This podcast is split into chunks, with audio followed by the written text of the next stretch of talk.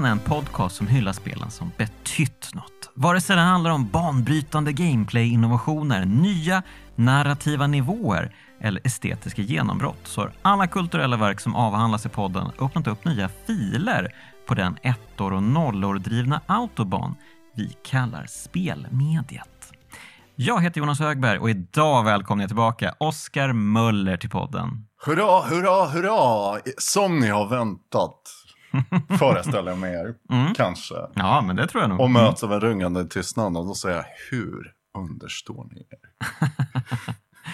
Ja, nej men eh, du var ju eh, gäst här i Dragon Age Inquisition-avsnittet, Oskar. Exakt, och då var jag klädd som en viss Dorian, alltså Mm. från äh, Tevinter. Ja, men fan vad kul att du är tillbaka, Oskar. Ja, helt underbart. Hur är läget? Eh, nej men, ja, det är schysst. Jag är lite Mm. trött på typ det här skitvädret som Ja. vi har just nu. Måste jag säga. Att, eh, att jag är redo att gå vidare typ mot nya mål. Ja, och eh, ifall de som hoppat in här inte har lyssnat på Dragon Age Inquisition-avsnittet så är ju du gammal Superplay-skribent och eh, lite journalist som eh, liksom petat lite här och var i eh, tidningsbranschen. Och just nu så Mm. befinner du dig på Moviescene. Eller där har du varit ganska länge i och för sig. Ja, precis. Med typ så här 11 års mellanrum. Och Jaha. kom tillbaka typ Okej. två- 2000 under pandemiåren. Det, det är typ då allting händer. Men, Ja. men nu mer i exekutiv funktion. Att, att jag är väldigt mycket bakom kulisserna. Och, eh, eh, Hjälper till att rodda allting. Precis, utformar sajten, diskuterar dess framtid, allt det här. Och eh, Mm. har, har en ny roll som senior editor så att jag leder även våra skribenter. Typ. Ja, vad kul. Det är lite redaktörsstil då helt enkelt. Mm. Eh, vad kul. Får du tycka till om texter och sånt också eller? Ja, absolut. Och, det, eh, och ger feedback. Och jag menar, med tanke på att jag har undervisat i många år så, så, så faller det sig ganska naturligt att, Mm. att jag, tycker, jag tycker ändå att det är ganska kul liksom, att ge konstruktiv kritik. Och Mm. Det är alltid skönare och lättare att hantera andras texter. För att bland det värsta som, som jag då eh, föreställer mig, det är ju att eh, sitta och korra sin egen text som man har suttit och svettats med under lång tid. Och jag är väldigt pillig när det gäller mina texter, så att jag, jag är dödstrött på dem. När jag... eh, eh, när jag är färdig så känner jag att jag är färdig och det sista jag vill är att liksom gå igenom och, och hålla örnkoll på saker och ting och granska. Så, så då blir det ju typ en hel del slarvfel. Så då, då blir det typ att man får se upp. Jag är alltid noga med att säga att jag är ingen hycklare, jag gör misstag. Typ, det är alltid lättare att granska andras texter än sina egna. Speciellt när man är dödstrött på dem. Men du skriver ju filmrecensioner vanligtvis på Moviescene, men de har ju börjat med Gamezine eh, sedan en tid tillbaka. Ja, faktiskt ganska länge sedan skulle jag säga. Jag tror åtminstone fem år som den Okej. satsningen. Men, men vi vill ju, ja, jag får kanske inte säga för mycket, men, men vi vill gärna göra en remake på, eh, eller eh, på något sätt redesigna sajten så förhoppningsvis blir det kanske lite tydligare med spelsektionen och så. Men vi har en eh, game, eh, Gamescene finns ju här på Facebook som grupp. Eh, och där publiceras ju det innehållet som finns på sajten. Det eh, skulle kunna bli lite tydligare då med eh, vårt unika spelinnehåll som vi har där. Vi recenserar storspel och har ändå en eh, daglig liksom, dos av spelnyheter eh, nyheter som publiceras. Just det, och du har nyligen gjort comeback som spelrecensent. Det här tycker jag är väldigt roligt. Eh, och... Eller? Ja, d- d- Ja. men absolut. Jag, Ja, du, du såg så jag bara frågande väntade, ut. ja, nej, men jag väntade på att det Det skulle var- det var komma en fortsättning. Jag bara, shit, han, det shit, låter han har som ljugit för mig. Han har skrivit du- jättemånga spelrecensioner. jag, jag väntade på att det skulle komma en eh, härlig så här, slutknorr, eh, en poäng. För det kändes som att du byggde upp Ja, det, det, var mest, eh, det är alltid lika roligt när man faktiskt sitter och pratar med en gäst liksom ansikte mot ansikte, vilket inte alltid är fallet i, i kraftspelen. Ibland så måste jag ju liksom podda eh, på länk och så. Ja. Eh, Men du är ju här hemma hos mig och det är jättetrevligt och eh, du, det är alltid, det, man blir alltid lite så här, oj, ett konfyst ansiktsuttryck eh, som präglar eh, den här samtalet. Vad är det som pågår just Ja, nu? nej, men det, det kan man ju verkligen un- undra. Speciellt nu när våra ansikten är så här halvdolda av gigantiska mikrofoner.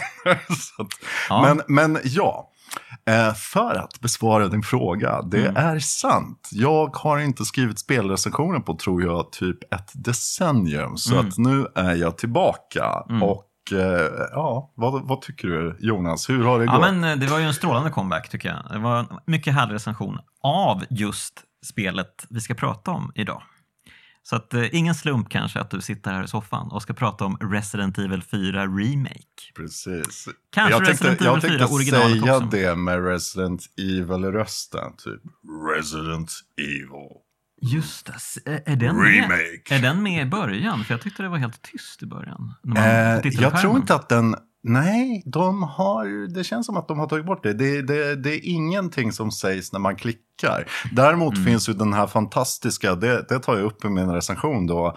Eh, jag tycker att visuellt sett, estetiskt sett, så känns det som att Capcom har verkligen ryckt upp sig kanske sen, sen sjuan liksom någonstans. Att eh, de tänker mycket mer på estetiken. Förut var det det här zombie liksom B-filmsaktiga typ där det inte kändes att det måste vara estetiskt så mycket som att det, det ska vara en form av filmgenre.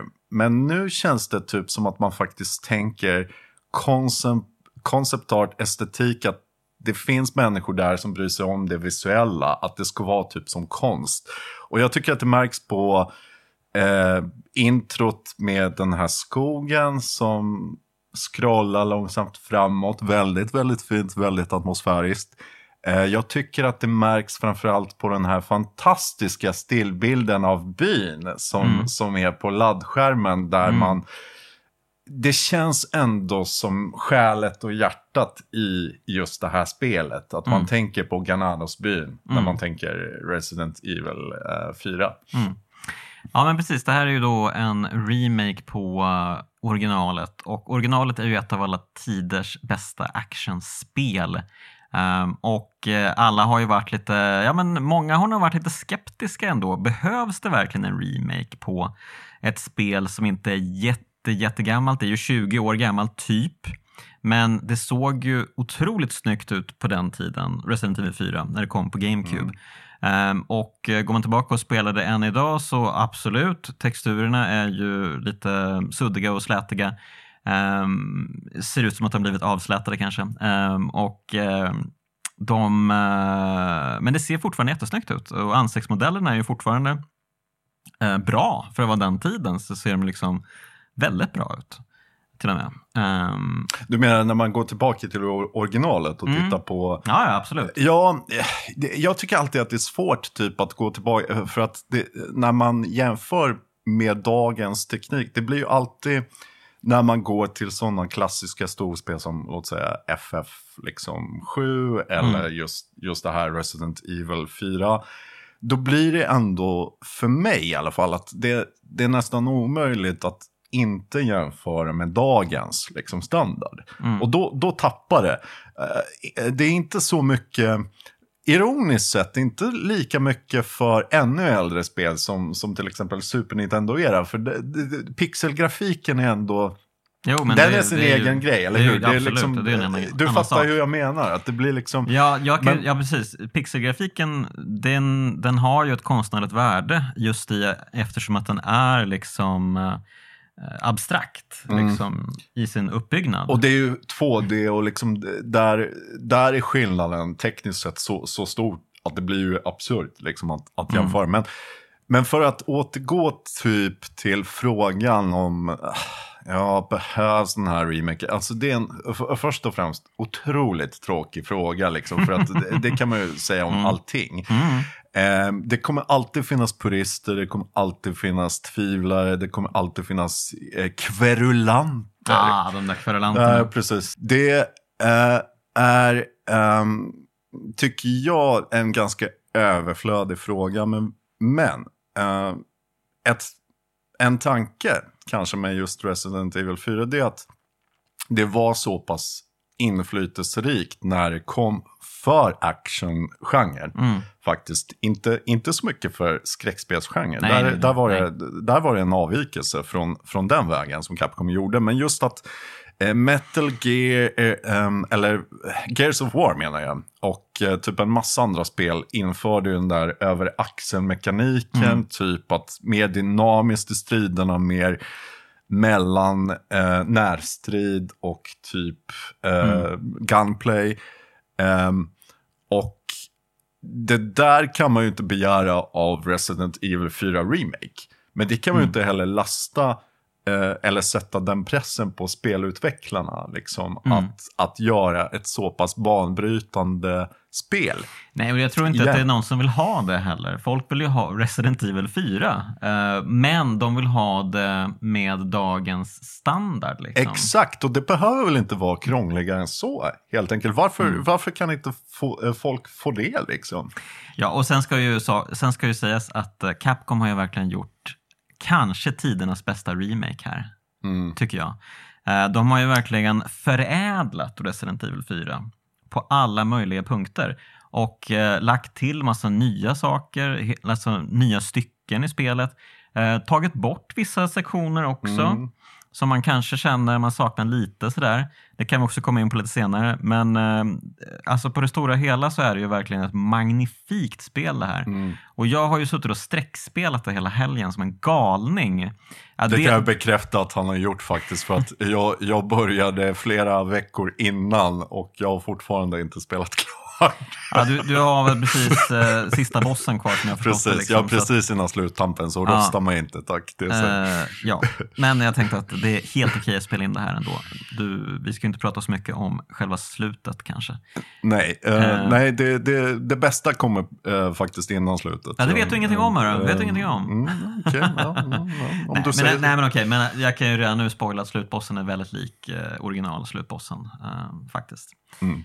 Så att eh, just där gör de inga stora avvikelser och det kanske är bra. Nej men det är på det stora hela just att jag tycker att balansen mellan typ, för att många av er som, som eh, spelet finns ju redan ute för köp, men de flesta av er har ju inte spelat det än. Ehm, men det är ju en väldigt, väldigt skön blandning just av egna kreativa beslut och, och förändringar och att vara trogen förlagen. Och det, Mm. det handlar om allting. Allt från bandesignen till stories eh, till eh, då bossstrider. Mm.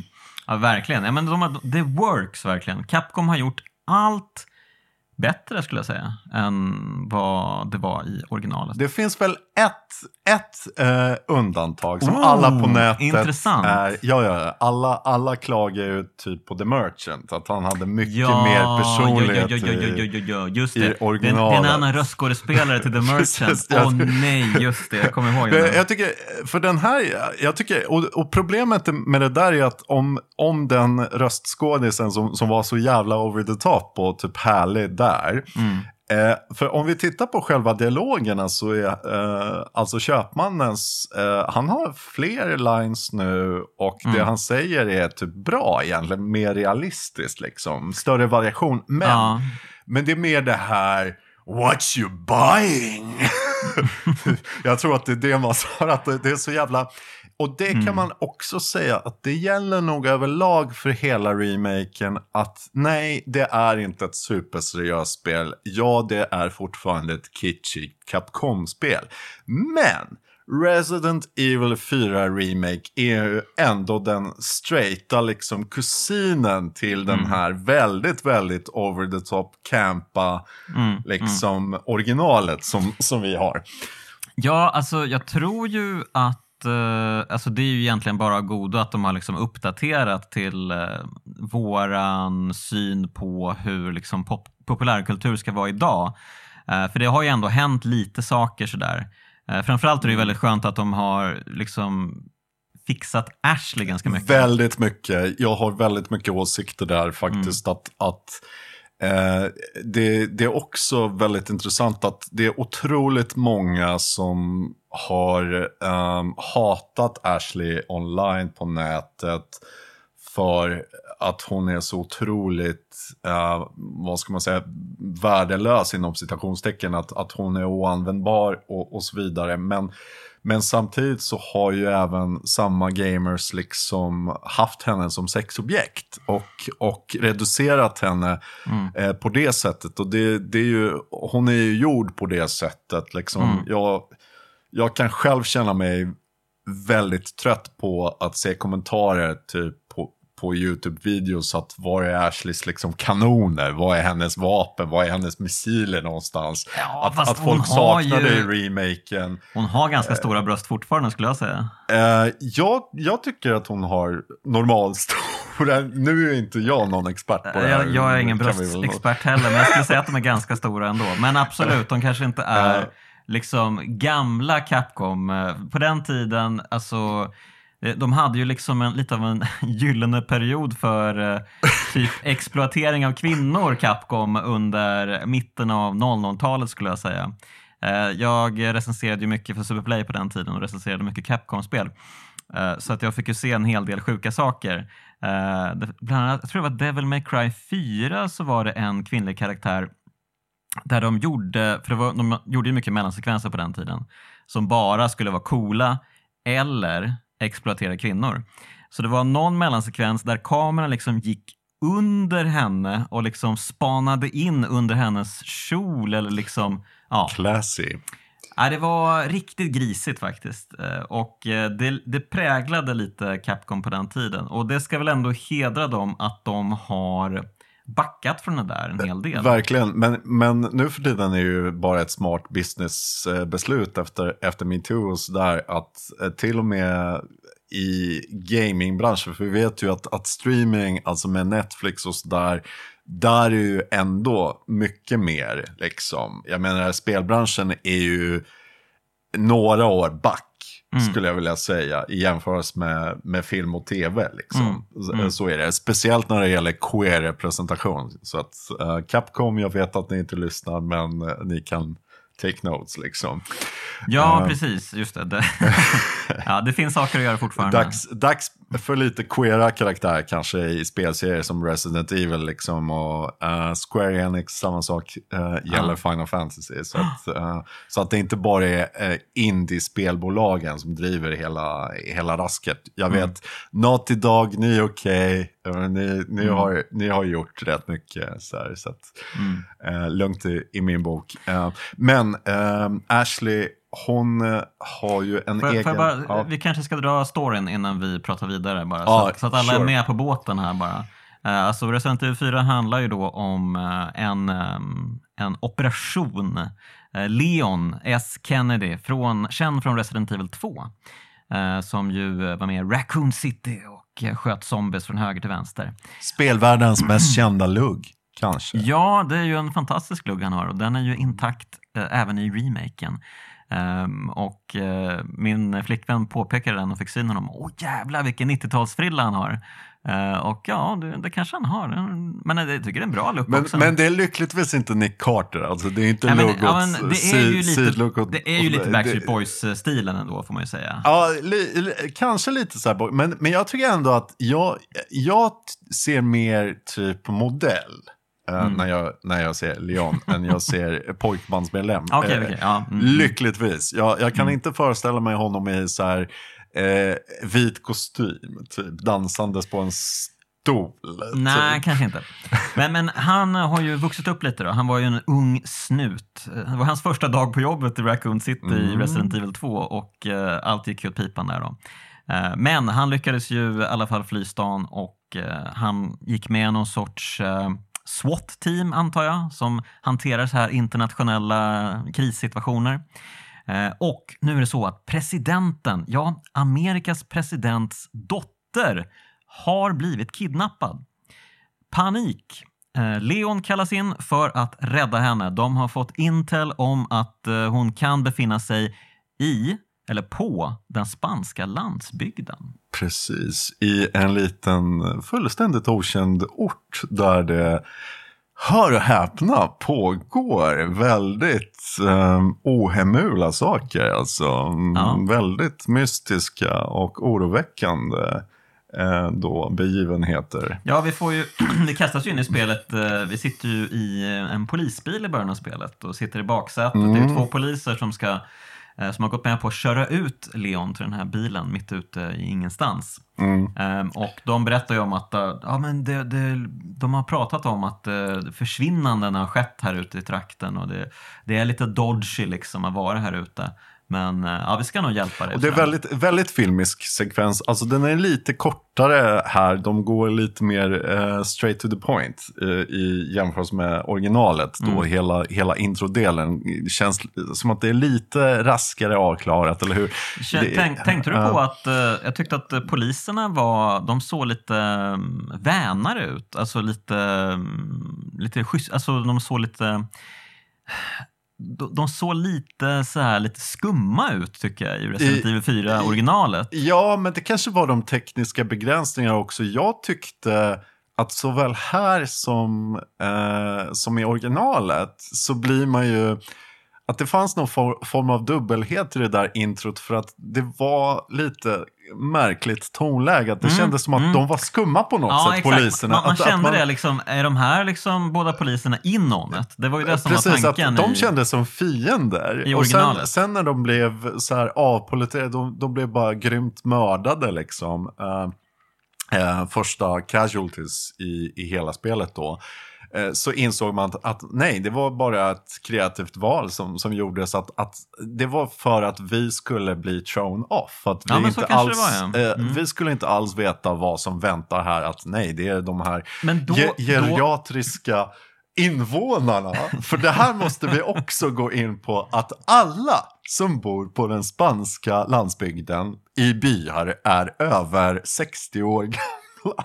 Mm, av någon kanske inte anledning. alla ska jag inte säga. Men, Men i alla fall Men- enligt, Du- enligt Resident Evil 4 är det så. Oj, jag vet inte vad du har för åldersuppfattning, men jag, jag skulle nog inte säga att de, de är över 60 år gamla allihopa. Det, det, det, känns, det känns som det, tycker jag. D- Däremot så, är det ju, så finns det väl typ bara liksom en eh, kvinnlig liksom bybo, det är väl den här gamla gumman som står och nackar hönor liksom på baksidan och sådär. Nej, men det finns flera gummor, alltså det finns ju lite fler gubbar än gummor. Men Ja. det finns, och det känns som att de har ju också, är det inte så att, att kvinnotyperna, Ganados, har sina vapen medan de, men det kanske blandas liksom. det Ja, kanske, jag inte tänkt på. jag vet inte, men, men det, finns, det finns, ja, gummor och gubbar. Och de, eh, de är förvånansvärt spralliga för sin ålder. Väldigt, här- väldigt atletiska. Ja, ja nej, absolut. Eh, Så, så tydligen så, så stämmer ju det här som att svenska pensionärer vill ju gärna liksom flytta till Spanien och nu vet vi varför. Man blir full av liv, man blir atletisk, man kan bli lite aggressiv men det, det är ju kanske ja. bra med ökade testosteronnivåer om man, om man, Ökad känner, flexibilitet i lederna. Ja. om man känner sig trött liksom och apatisk. Så att, Mm, eh, mm. Men så länge man inte mördar andra människor så, så är det ju... Då är hälften vunnet kan man säga. Eh, jag kan bara säga så här, jag har funderat rätt mycket då varför den spanska staten inte har stämt då Capcom för ärekränkning. Mm. För att jag tycker att det här är, det här är fan fantastiskt. Liksom. Att, varför har man valt Spanien? Jag, jag har en skamlig hemlighet att berätta. Det här borde jag inte ens säga i dagens ljus. Men eh, Okej. när spelet kom ut 2003, Jonas Högberg bara, mm, jag har redan hört så många, vad är det som ska komma nu? Nej, det är hört- ingenting sexuellt. Eh, men Okej. när det här spelet kom ut 2003 eller, eller när var det? Ja, fyra kanske. Eh, Lite 2004. Ja, minns inte eh, riktigt. Ja, Ja. typ för 17 år sedan eller whatever. På den gamla goda tiden när vi var riktiga unga puddingar, du och jag. Just det. Typ. Jonas. Den tiden ja. Mm. Och de stod på kö för att träffa oss. Eh, då eh, trodde jag faktiskt att det var rumänska eller någonting sånt jag hörde. Jag, jag brukade visste inte åka till Spanien? Spanien. Nej, jag, jag var så ignorant. Att, att jag, nej men jag, jag förstod det ju så småningom för att någon talade om det för mig. Men jag var så övertygad, förmodligen på grund av eh, då fördomar, att det var något östeuropeiskt land. Mm, okej. Någonstans. Ja, men, Eh men, men, de, men Resident Evil 8 är ju däremot ett östeuropeiskt land. Oklart vilket i och för sig. Ja, och Resident Evil 8 vill jag säga i princip var ju den första remaken. Så det här är ju typ ja, på ja, så Resident var det Evil faktiskt. 4.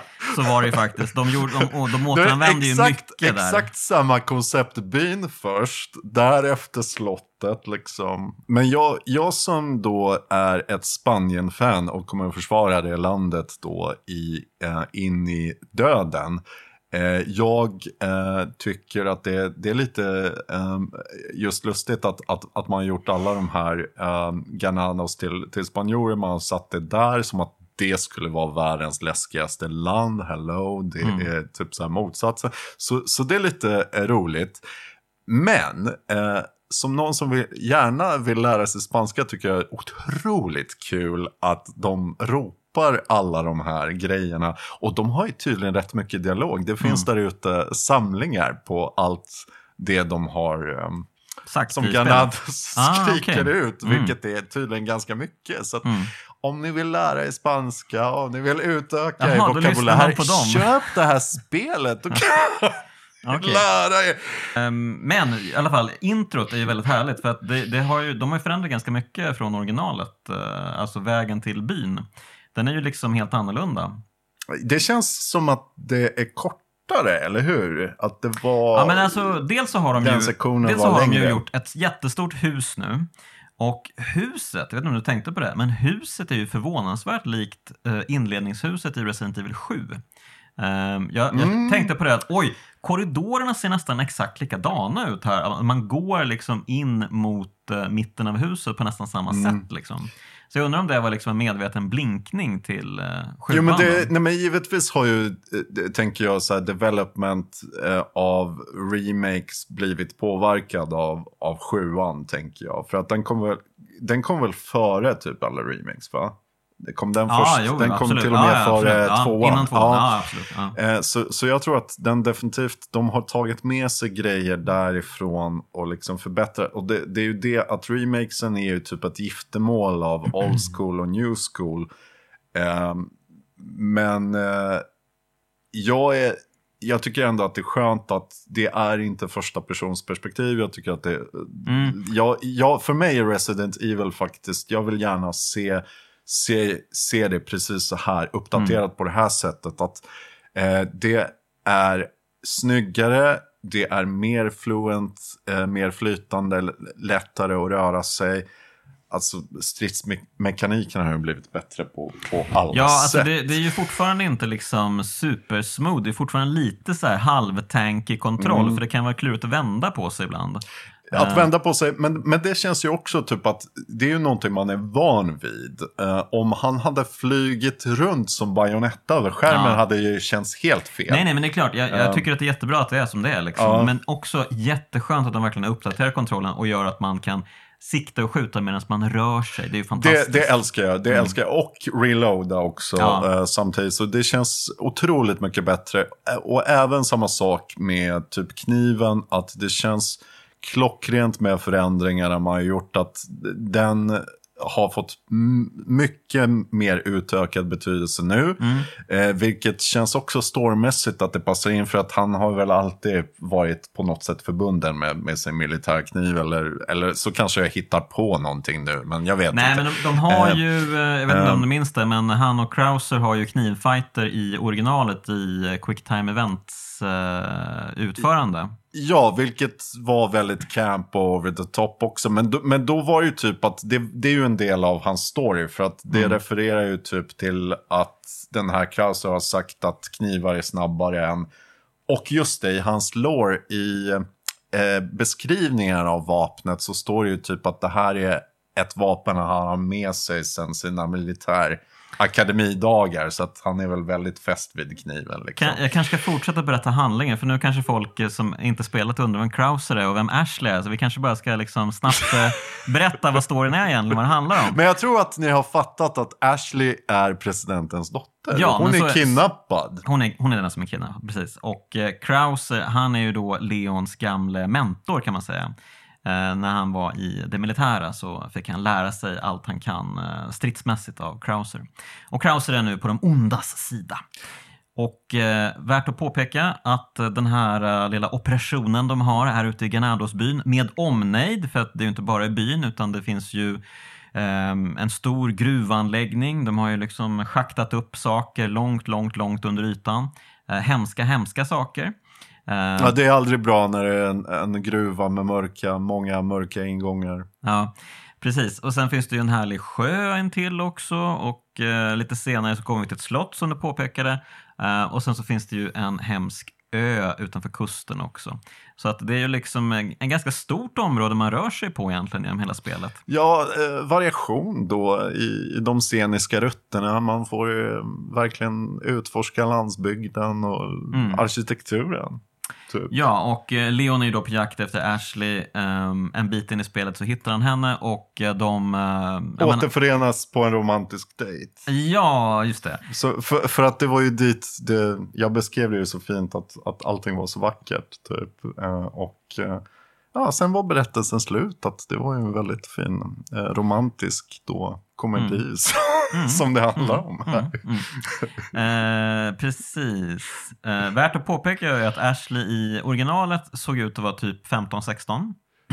och eh, var lite av en spoiled brat. Eh, Mm. Alltså extremt irriterande. Mm. Och eh, Och irriterad. Eh, Ja, hon var. Mm. både irriterande och irriterad. Och, eh, sen det var, också, det var mycket det här, hennes röstskådespelare tror jag, Ja. hur hon blivit influ- instruerad att säga sina lines. För när hon blir, för hon är ju ständigt med Leon som liksom, eh, hon springer ju bakom honom tätt inpå. Mm.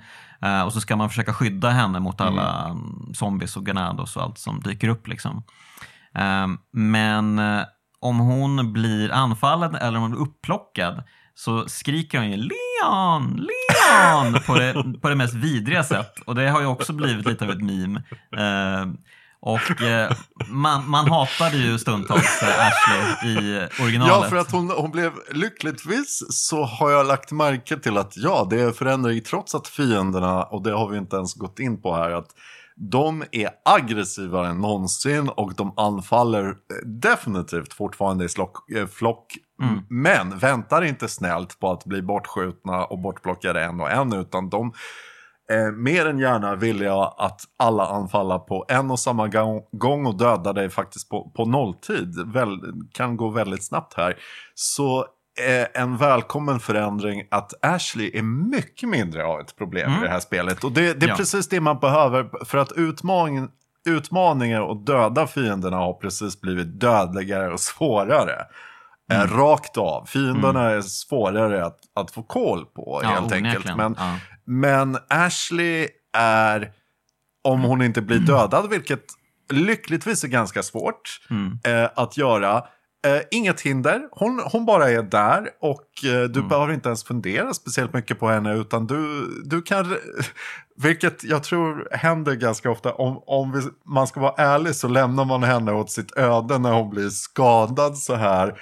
För att av någon jävla anledning så fienderna dödar henne inte. Hon, hon kan bara kura ihop sig. Har du lagt märke till det Jonas? Nej, jag, nej, jag, jag, nej det, det har jag inte gjort. Det här var intressant. Ja. Men man kan alltså, hon, hon kan kura ihop sig som en höna liksom Ah, någonstans. Eh, och eh, medan du springer runt och typ så här dödar fiender till, till höger och vänster. Och sen kan du Ja. åter få, få henne typ så här.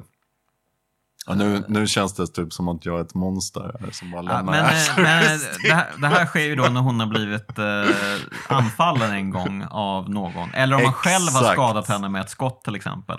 Och det, det tror jag inte att man kunde göra i original. För jag la mär, märke till att jag tror jag har råkat döda henne några gånger. Ja, okej. Vad Vilket, trevligt. vilket var, att jag blev väldigt överraskad. Att man skjuter fel. Att man bara, Ashley, oj, du var i vägen. Mm. Jag är verkligen ingen power gamer. Så det, var inte... jag, jag kan säga så här, för många är ju nyfikna också. Jag skulle inte ens göra det av nyfikenhet.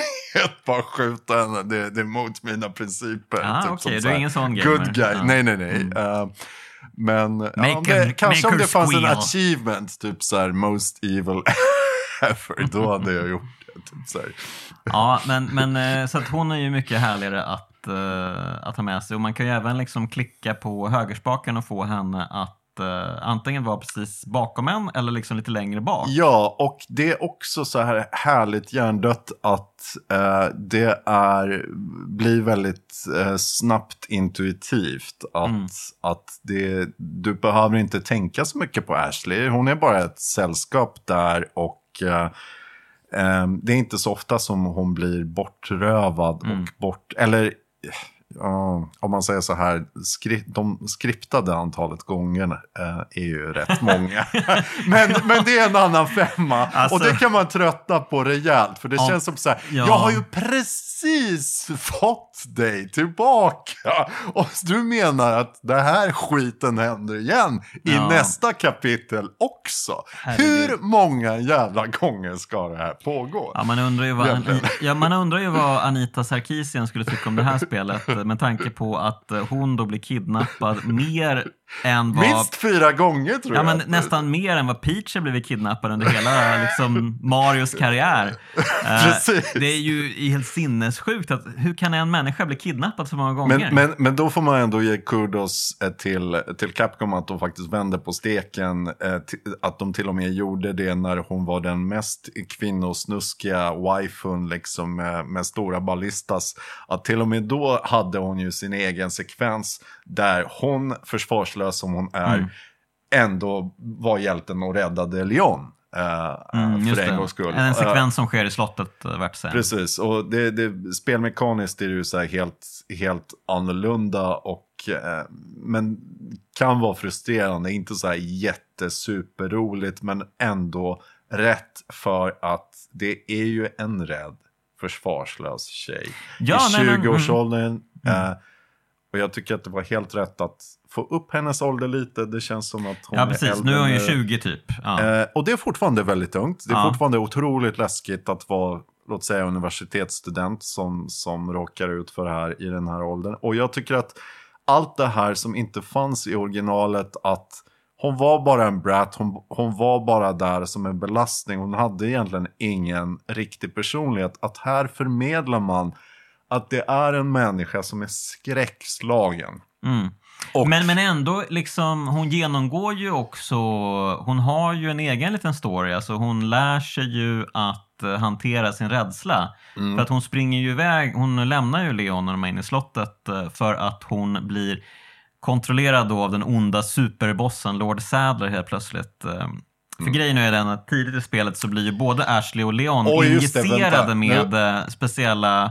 Ah, exakt, det, det var det jag skulle säga. att Bakgrunden till allting, det finns inget zombievirus. Det finns någonting som heter Las Plagas som är tydligen någon form av demoniska parasiter som finns på den spanska landsbygden. Av Ja, eller mer exakt då, långt, Ja. långt, långt ner under marken. Det är därför de håller på och gräver upp de här I de här bärnstens, eh, gruvorna då. Ja, stora, stora liksom bärnstenskolosser där de finns bevarade fortfarande. Men, men då kan man ju undra om det nu är gruvor. Det här är nog ingenting som, som Capcom har tänkt att man ska fundera allt för mycket på. Men, men Mm. vad är det familjen Salazar har förseglat under alla århundraden?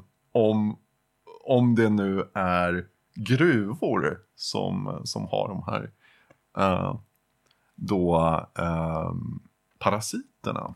Mm. Eh, ja, Har de förseglat gruvorna? Eller vad är det? Ja. För de verkar ju ha förseglat någonting på slottet, typ.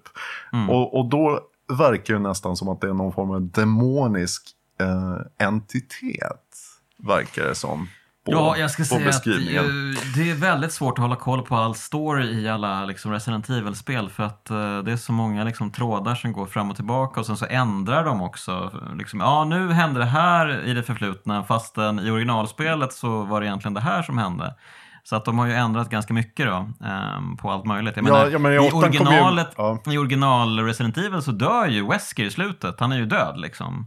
Och sen så kollar man på, men vänta, han var ju en jävligt bra skurk. Ja, vad fan, han Ja. klarar sig, det är lugnt. Han, han kommer tillbaka i alla, han är Arnold helt enkelt. Han är Terminator, originalet typ. Han är Terminator, precis. Ehm, så att, eh, ja, alla som spelat Och, och nu, alla som spelat eh, Resident Evil 4 vet ju att han dyker upp i slutet också. ja, nej, men givetvis kommer han, han kommer ju komma tillbaka och komma tillbaka. Men, men nu har vi ju Mother Miranda, apropå det. Det, det, är så här, det finns, du trodde att du visste vem som var Big Bad, men det finns ju Big Bad bakom det Big Bad. Och det var den här karaktären som Mm. Ja. du inte visste någonting Exakt, om det finns alltid någon som står liksom bakom eh, Så, så, huvudskurken. så nästa spel blir väl, vem var det som var bakom Miranda? Var det typ någon? Ja.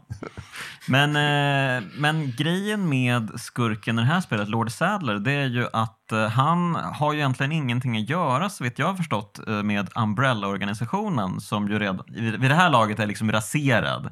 Umbrella är inget hot längre. Men, men han verkar ju liksom ha dykt upp här, Lord Sadler, på spanska landsbygden och byggt upp hela den här kulten kring sig Precis, själv. var kommer han ifrån? Är han amerikan? Eller är han... Nej, jag tror att han är spanjor. Sa- Men är Sad, för att Sadler, det, är- det är ju det som är så märkligt, att det verkar ju ändå som att han kommer från någon annanstans. Men Ja, det är oklart. han, han är ledare för en organisation som heter Los Illuminados. Självklart. Som alltså dyrkar de här plagaparasiterna som han med hjälp av det, och detta är hans plan, så tänker han ta över världen antar jag. Ja, Eh, ja. För att alla som, och det här, fan Självklart. att vi inte ens kom in Självklart. på. Hela poängen med parasiterna är ju att man inför parasiter i en mänsklig värld och sen kan man styra den världen Mm. då eh, medelst parasiten. Så det är någon form av avancerad mind control. Och det är ju Ehm. Lord Sadler som styr alla.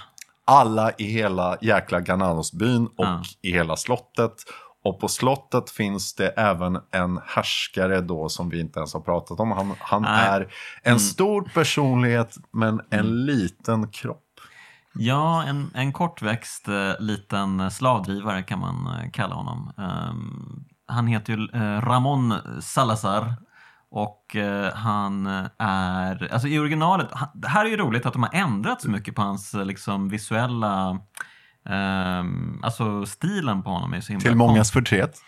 Är det så? Jag vet inte, jag tyckte nog att det var bättre att det var så här ändå. För Jag, han- jag han- håller med. Jag, jag tyckte att, att originalet var lite tacky faktiskt i Mm. förhållande till, till det här. Det här är, eh, visst, Salazar ska ju tydligen originalet vara en 20-någonting-årig man som ser betydligt äldre ut. Och det framkommer ju inte här. Här ser han ju ut att vara rejält gammalt. Över 60?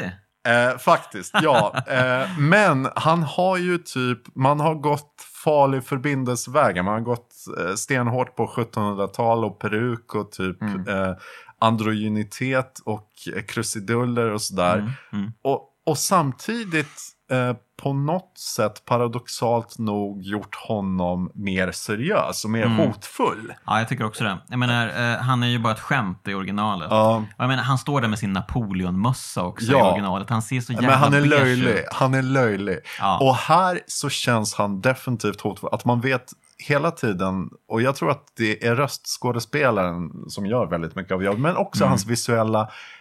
Det finns, och det var jag redan inne på, det finns någonting med den här estetiken som känns riktigt genomtänkt. Allt från liksom Ashleys ansiktsuttryck eh, som för Leon, låt oss vara ärliga, som karaktär, han är lite cloud, han är lite träaktig. Alltså det är inte Ja, typ... men, men jag vill ändå säga, jag vill ändå slå ett slag för Leon här. Jag gillar verkligen Leon. Jag, han är så himla...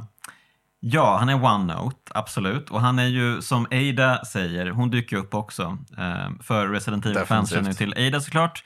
Hon är ju den här klassiska liksom, X-faktorn som dyker upp i alla spelen. Liksom, och är lite, hon, är lite sida, hon är sexbomben som är lite vid sidan om allting. Som har sina egna mm, uppdrag och sånt som och ändå liksom, ah, hjälper Hon till dyker lite. upp som, eh, eh, hur säger man, dös eh, ma machina, typ så här. Ja, just det. som- Exakt. Och hjälper till precis när det behövs. Eh, när, precis när någon är på väg att bli dödad så kommer hon och skjuter lite. Ehm, och eh, absolut, det, det händer ett par gånger. Eh, men, men hon är ju, eh, ja, hon är väl inte världens coolaste karaktär kanske. Men som hon säger då till eh, Leon att, eller jag tror att han pratar med henne och typ, ja men Eh, jag måste fråga dig en sak. Eh, gör du det här liksom, alltså har du förändrats sen Och så Raccoon kommer City? mångtydiga leende. Hon eh, säger då tillbaka till Leon att eh, ja, men du, du har inte förändrats. Trots att du tror att du har förändrats. Eh, att du har liksom gått igenom den här militärträningen, att du har blivit en härdad person. Så är du fortfarande samma Leon som du var liksom i Raccoon City. Det vill säga en otroligt snäll, genomtrevlig person som, som vill alla väl. Ja. Och eh, han, tror, han tror sig ha blivit li, lite, Cynisk, Ja, exakt. Han tror sig ha blivit eh, det. My, mycket som eh, liksom... luttrad. Luttrad. Mo- Mycket liksom, det, det går igenom det här arvet från rollspel, det här att alltid karaktären ska vara så här, Men- framstå. men största Lite cloud, det här ja. att karaktären framstår som att eh, ja, men, jag är så himla deppig och jag är, världen är emot mig. Men i själva Och tack verket... gode gud att han inte är Han är Robert inte. Pattinson i, i nya Batman liksom. Eh, Nej men han är eh, inte sån heller, utan han är ju liksom bara en genomtrevlig snubbe egentligen. Som bara, ah, han, han, tar, han tar kampen helt enkelt. Ja, eh, men Och jag vill också slå ett slag för sättet han interagerar med Ashley. ja. För att eh, i originalet så är det ju mycket så här att Capcom pushar den här sexigheten hos Ashley. Ehm, samtidigt som hon är en irriterande karaktär. Så är hon ju också en karaktär med stora tuttar som, alltså lite våpig och eh, inte kan liksom freda sig på något sätt. Och, förutom den där sekvensen. Förutom att Leon gör ju aldrig med det där. Det där är ju bara för fanboys, för, för spelarna. Och här, det fanns ju ingen liksom giltig interaktion mellan de två i originalspelet på något sätt. Utan det var bara pajigt allting. Här finns det ju en genuin kontakt, lite The Last of Us eh, light skulle jag vilja säga. Att den yngre tjejen och den, den eh, mer eh, luttrade agenten. Sen är ju Leon väldigt lite av en riktig person kan man säga. Han är, han han är den här kapabla agentarketypen. Men han har ju ändå personlighet. Han, han Mm. har ju sina one-liners och är ganska Ja. sarkastisk. Och det känns som att Ashley mjukar upp den sidan av Mm. honom. Och att man faktiskt märker att han bryr sig genuint om henne. Mm. Eh, och att hon, framförallt att hon bryr sig genuint om honom. Jag tycker att de fångar väldigt fint att Ashley känns som en varm, eh, fin människa, tycker jag. Ja, och eh, jag gillar ju då verkligen att eh, Leon när han eh, pratar med Ashley, att han inte liksom pratar ner till henne utan han pratar hela tiden med henne. För att det, det är så lätt hänt och jag tror att det ganska ofta sker också i originalet att eh, eh, ja, men du kan ju ingenting egentligen, bara häng på här liksom. Men, men när hon, hon bevisar ju sig gång på Ja. gång i spelet att hon hjälper hon. ju faktiskt till flera Mm. gånger. Hon räddar ju honom några gånger också ur knipor. Och eh, det är ju, han, det, i slutet som händer är ju som så att eh, de här eh, Las Plagas-insekterna som finns i kroppen eh, under spelets lopp så blir ju de bara liksom större och större och tar liksom Mm. mer uttryck eh, över kroppen och eh, Det märks i fienderna också att det, det blir mycket mer fysiskt framträdande att ehm, de här parasiterna tar över kropparna. Till slut, om man, om man då skjuter sönder fienderna så, så hoppar ju parasiterna fram liksom och är Mm. huvudfiender. Ja, det är ju väldigt roligt igen. Eh, Mm. Roliga effekter när de liksom de eh, hoppar upp som, eh, vad ska man säga? De, de, de fäktas ju vilt omkring sig när de blir liksom en del, Mm. ja, när de, de ersätter ju huvudet på människorna. Med den här liksom Och trotsar alla fysikens lagar, för med tanke på de där jävla alien-monstren, de, de hade ju inte kunnat få plats inuti någon utan att den personen redan är en zombie eller död. Liksom. Så det, det känns ju... Ja, man kan, man kan mycket debattera alla dessa monster som skapas eh, från eh, relativt liten kroppsmassa eh, Men- i Resident Evil-spelen. Men ja, eh, men, men där, det finns ju ett element av body horror som, som kan man säga att, att i, i förhållande, för att det är ju, det här med parasiten är ju så otroligt intressant och komplext liksom i förhållande till zombieutbrottet. För att där eh, i originalspelen så var ju att folk blev odöda. Att de, de dödades av då andra infekterade och sen förvandlas de själva. Och då var de ju redan hjärndöda monster liksom. Men här har vi ju folk som på något sätt fortfarande fungerar som människor. Och det, det blir ju faktiskt läskigare. Alltså det är ju det som är Mm. det här intressanta och revolutionerande i spelet också. Att om man tittar på själva utvecklingen av berättelsen så eh, var ju Las Plagas-parasiten helt avgörande för spelet. Att, att det var ett sätt att få eh, fienderna att behålla någon form av kognitiv förmåga och Mm. behålla ett språk, eh, behålla Eh, man ser i Ganadosbyn att de lagar fortfarande mat, de går fortfarande och ber. Jag menar, de är väldigt Ja, men, men, det, men det är en skev version. För Leon säger ju själv när han går förbi maten och bara "Ugh, vad är det här för jävla Ja, skit? ja, ja, det är precis. Alltså det är ju liksom en, de, de, de, de, de låtsas leva som människor snarare. Ja. Bara, ja men så här gör man De kanske. Man inte plockar samma väl det här och det här och man slänger väl i massa skit i grytan så blir det bra. Nej typ. men precis, Nej, men, det, men det är också det som är läskigt att, att, att det är ju människor som är omedvetna om att de inte är riktigt mänskliga längre. Men det är, Mm. de, det är som ja, de här bra myrorna som besätts av parasiter. Då, Ja, att de, ja. de går through the motions att, att göra grejer som de fortfarande... Och, och visst, jag menar, de måste ju fortfarande få i sig mat. Ehm, Ja, jag antar det. Sen, sen hade det kanske varit lite mer trovärdigt att alla sprang omkring nakna och typ varför, varför har de ens kläder liksom? De ja, har ju inte behov kommer, av det ifall det kommer men- ett par snokande poliser antar jag. Ja, precis. Eh, möjligtvis. Men det jag tänkte komma till i alla fall är ju att de har ju, Ashley och eh, Leon har ju sina parasiter också.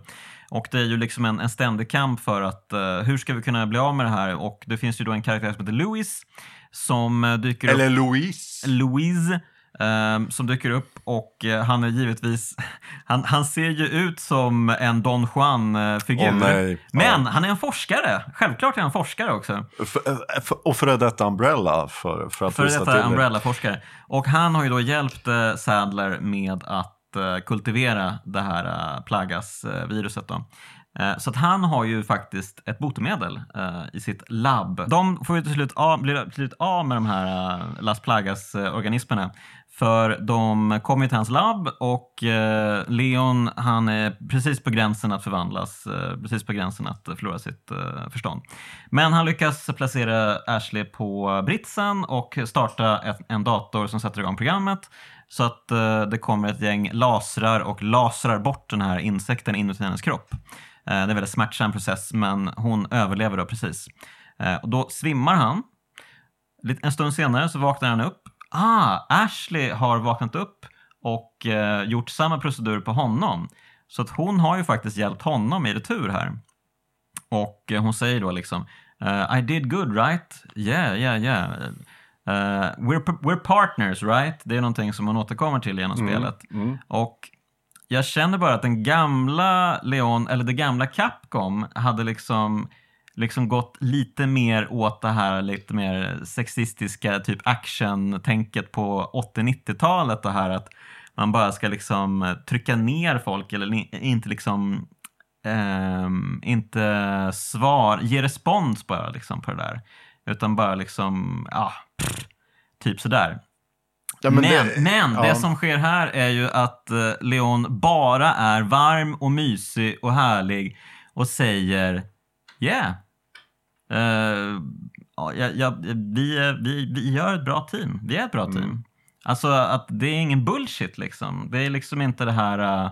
Den här machohjälte, jag tänker, jag tror att jag vet vad du menar, typ som, som Cloud som skulle bara vara tyst typ eller någonting. Att, att eh, det blir liksom ingen kommunikation. Att det, att det på något sätt är omanligt att, mm. att kommunicera ens på ja, något sätt. Exakt, eh, ja. Att det inte är förenligt eh, med hjältetropen, den, den alltså, starke tyste mannen. Det, liksom. det, är ju liksom. verkligen ingenting egentligen. Bara det här att han, hans, han, han är normal. Han är en helt mm. normal den, person här. I den situationen. I den situationen mm. och bara liksom säga fan vad bra du är, grymt jobbat liksom. Ja, vi, ja. vi är ett bra team liksom. Men, men det, jag tycker Men det, genom... det sitter så hårt in tror jag hos ja. många liksom, arketyper och många sätt att tänka kring dem, så action. Liksom. Jo, precis. Men just, just med actionspel, precis. Att, uh, jag tror att det är väl det som märks i den här remaken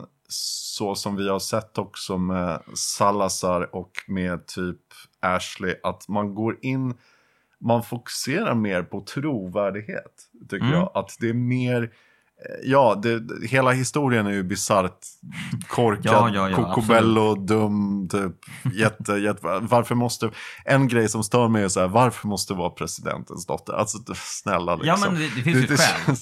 Ja, jo, jo, men givetvis. Men, men det känns ju inte så trovärdigt. Eller det, men, det är också jo, så... alltså så här. Varför just presidentens dotter? Det hade, ja, det är ju det ganska hade, självklart. Det hade kunnat men... vara någon annan som stod honom någon nära. Vik, precis, någon viktig. Det hade det kunnat hade... vara vicepresidenten eller jag vet inte, någon, någon i hans senator kabinett. eller whatever. Typ ja. försvarsminister.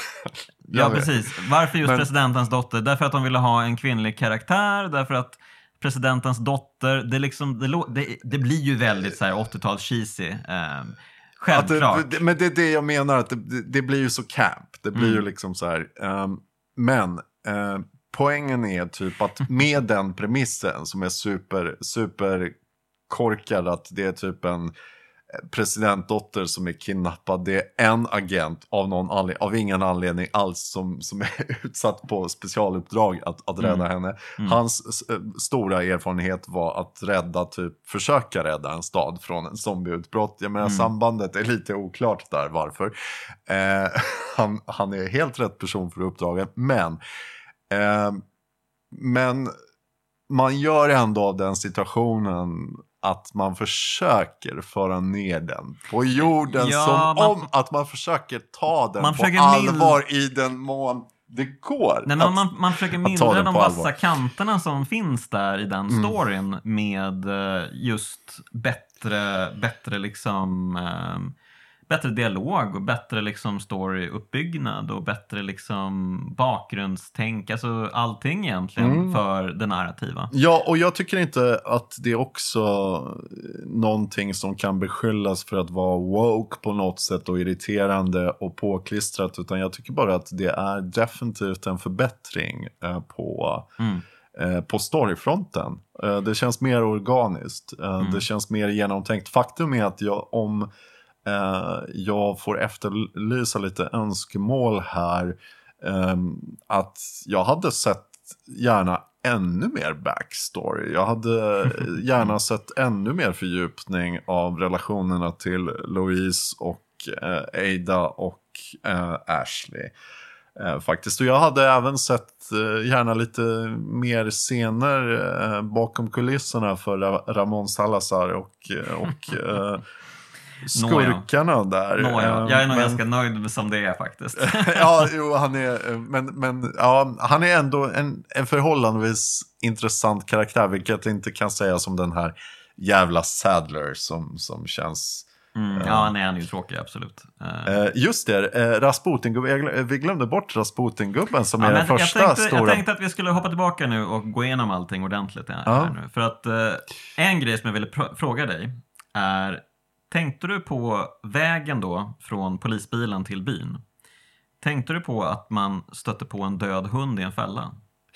Eh, jo, jag vet att det spekuleras ju. Jag vet inte om jag specifikt tänkte på det, men jag, jag har ju sett diskussionerna och spekulationerna att det skulle vara typ den hunden som man räddade i... Uh Ja, alltså i det är ju, det det originalspelet. så här. Det är ju en tydlig referens till eh, hunden man räddar i originalet. För i originalet så är man ju på väg till byn och så stöter man ju på den här hunden i fällan som Mm. liksom har tassen fast där. Och så kan man ju välja att gå fram att rädda den eller strunta i den. Och går man fram och räddar den... Och vilket jävla monster skulle strunta i Ja, en lidande hund? Verkligen. Kom igen. Vem, vem skulle göra en sån sak? Men, men räddar man hunden då så dyker den ju upp sen i en bossfight mot en enorm eh, jätte liksom. Ja, exakt. Och hjälper till och är eh, jätteskön att ha som distraktion för den här jätten. Mm, hjälper Så till. det är så att det är en jättekul bra grej. karma som... som Det är en jätte, jättekul eh, detalj i spelet som de gör liksom en twist på här. Och det här är en av många sådana här saker som jag verkligen gillar med remaken. För ja, man ser hunden ligga död i en fälla i början här och så tänker man, aha, va? Hunden är död redan? Nej, de, de jävlarna, hur kunde de? Det och så-. Och så går man runt och är sur.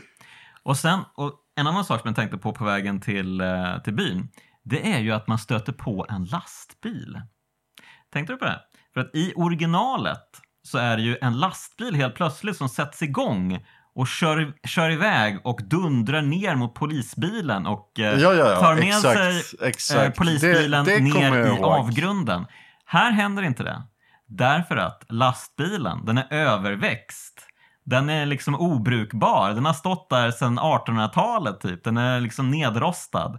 Så det var ytterligare en sån här detalj som jag bara, aha, lastbilen, Att de leker, okej. de leker med folks förväntningar. Jo, det är väldigt begåvat. Jag, jag tror inte jag reflekterade över lastbilen, men jag reflekterade definitivt över att det som hände med den andra polismannen, att helt plötsligt är han bara upphängd på korset som brinner. Det här är ju en fantastisk scen som de rekreerar, eh, gör om liksom. Mm, ja. Eh, bildsekvens för bildsekvens i princip. Att, att eh, Leon eh, har precis kommit in i byn och hukar sig där bakom en hög av bråte och får se polisman nummer två då som, som är upphängd typ på eh, i princip eh, ett, eh, ett kors typ och bränns levande på bål av Granados. eh, Ja, en det, det, Granados-skog. det är ju en jättefin Eh. scen och eh, man kan ju liksom spana in den med kikaren också, precis som man kunde i originalet. man ställer sig vid en sten ser, typ och att, att, att man, spanar. kan, man kan se bokstavliga ögonblicket då, där de häller på bensinen och, och, Mm. och tänder på honom. Så ja, de, de, de, de behåller ju vissa saker helt intakta. Men, men det jag tycker är så kul med de här grejerna är att ja, man tror ju då att hunden är, den är borta. Mm. Men Nej. den dyker ju upp. Den, man, det är en annan hund man räddar. Så det är lite typ som att de visar det här hade kunnat hända.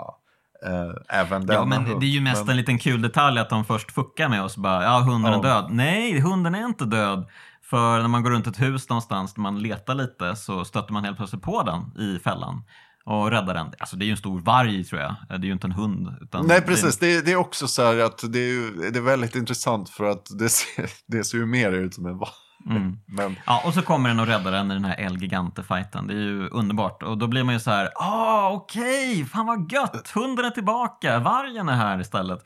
Eh, man blir så glad över att eh, de både de bekräftar, de fuckar med oss och de ger oss det vi vill ha också. Det hade fan varit mysigt att ha både hunden och Ashley och kunna leka mamma, pappa, barn där och liksom gå, Villa, dra Volvo, runt. Precis, Vove. Mm. Villa, Vove, gå runt hela spelet typ med hela sitt eh, RPG-gäng liksom. ja, det mot- kanske blir en, eh, en varg-sidekick i nästa Resident Kan man, Evil. kan man göra typ Resident Evil eh, Wolf 4 Edition. Remake eh, del 2 typ? Kan man önska sig? Men eh, apropå lastbilen, jag tänkte på en annan grej. Eh, för i originalet, precis innan man kommer till slottet, då är det ju en skenande lastbil som man ska akta sig för i en quicktime-event. Och det hände för övrigt i Resident Evil 5 också vill jag minnas. Ja, att- kanske, kanske. Men eh, det, man stöter ju inte på den här då. Det är ju ingen lastbil som skenar mot henne. Men det, däremot, på vägen upp mot slottet så är det ytterligare en lastbil som står där nedrostad. Det är liksom som att säga att Ja, det här med lastbilarna, det är, liksom, det är det förgångna. De här är liksom 20 år gamla. Det är ju sedan way back i originalet. Vi struntar i det.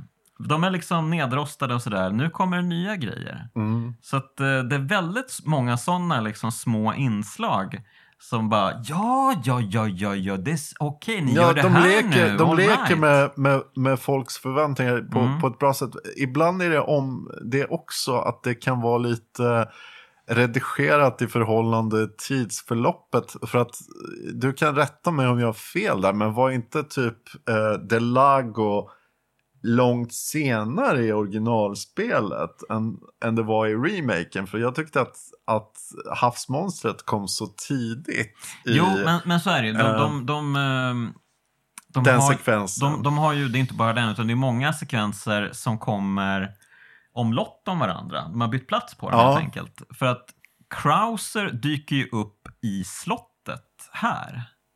eh, Och har en knivfight med Leon. Eh, Ja, ja. Det gör han inte i originalet. Utan det är på ön där de möts eh, första För första gången, Ja. okej.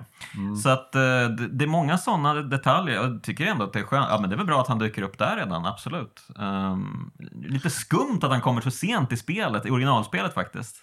Och det skapar ju mervärde för de som har spelat eh, hela spelet. Då jag har ju spelat majoriteten av, eh, av spelet. Men, men redan då märker man ju att det är inte exakt liksom, samma eh, bildruta för bildruta, sekvens för sekvens. Utan det, det är liksom- liksom skönt att det finns en egen vision. Att man är trogen mot storyn, man är trogen mot andemeningen. Fienderna finns där, liksom alla fan favorites finns där. Mm. Eh, innehållet är utökat, att, att det som, som var så eh, nice och påkostat med många skatter i första Mm. spelet, det, det finns eh, ännu fler här. Eh, det finns sidequests som man kan ta sig an som är många fler än att bara skjuta blå medaljonger som var i originalet. Mm. Eh, man får belöningar med, med liksom ännu fler special då föremål och Mm. belöningar från köpmannen som, Mm. som man kan få i jämförelse med det första spelet. Och, och första spelet var ju väldigt frikostigt i förhållande till de första tre delarna i serien. Att det var mycket mer content. Det Mm, var mycket mer spel för pengarna. Absolut. Eh, och eh, här är det samma sak, alltså världen är ju större, eh, omgivningarna är ju bredare, liksom mer varierade. Mm. Eh, det finns ju kanske lite mer story, alltså det är väl kanske det svagaste delen, att det, det är inte så mycket eh, bättre än i originalen, det är det ju inte. Men, men karaktärerna, eh, så som man har gjort i alla fall i remaken, de känns ju att Ashley är bland det mest intressanta och mest rörande man, man någonsin faktiskt har sett i ett Resident Evil-spel. Tycker jag. Ja, nej, men, eh, jag gillar verkligen eh, hennes nya liksom, karaktärsmodell. Jag tycker att hon, hon känns väldigt uh, likable. som och det finns person, liksom, ingenting camp eller over the top eller påklistrat med henne. Utan hon känns genuin. Ja, och hon har ju, i början så har hon ju på sig ganska snygga, liksom, en snygg eh, jacka eller kavaj liksom, och har en fräsig halsduk också. Hon, hon ser ju ganska mm, fin ut. Väldigt, Hon är ju presidentens väldigt, väldigt snygg look. Eh, och sen är det ju ro roligt att i slutet av spelet så har hon ju blivit av med jackan och då ser man ju att hon har ju samma tröja som originalet eh, tröja, liksom den här eh, hemska orangea tröjan Ja, det, det blir ju lite mer sexualiserat och det, det blir ju, men, men jag menar, det är ju ändå Capcom så att... ja.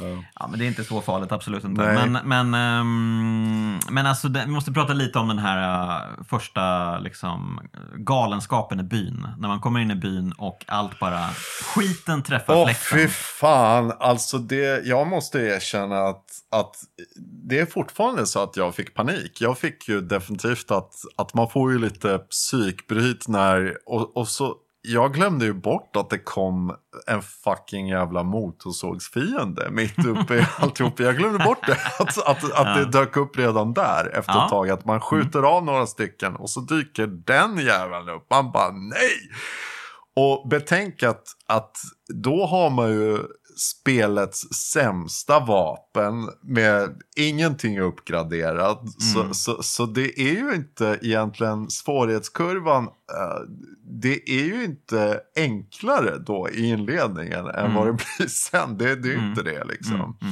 Eh, Så man, man får ju panik att, att det är där man lär sig det man måste lära sig för resten av spelet att det gäller att röra på sig. Du kan inte stå still och bara skjuta.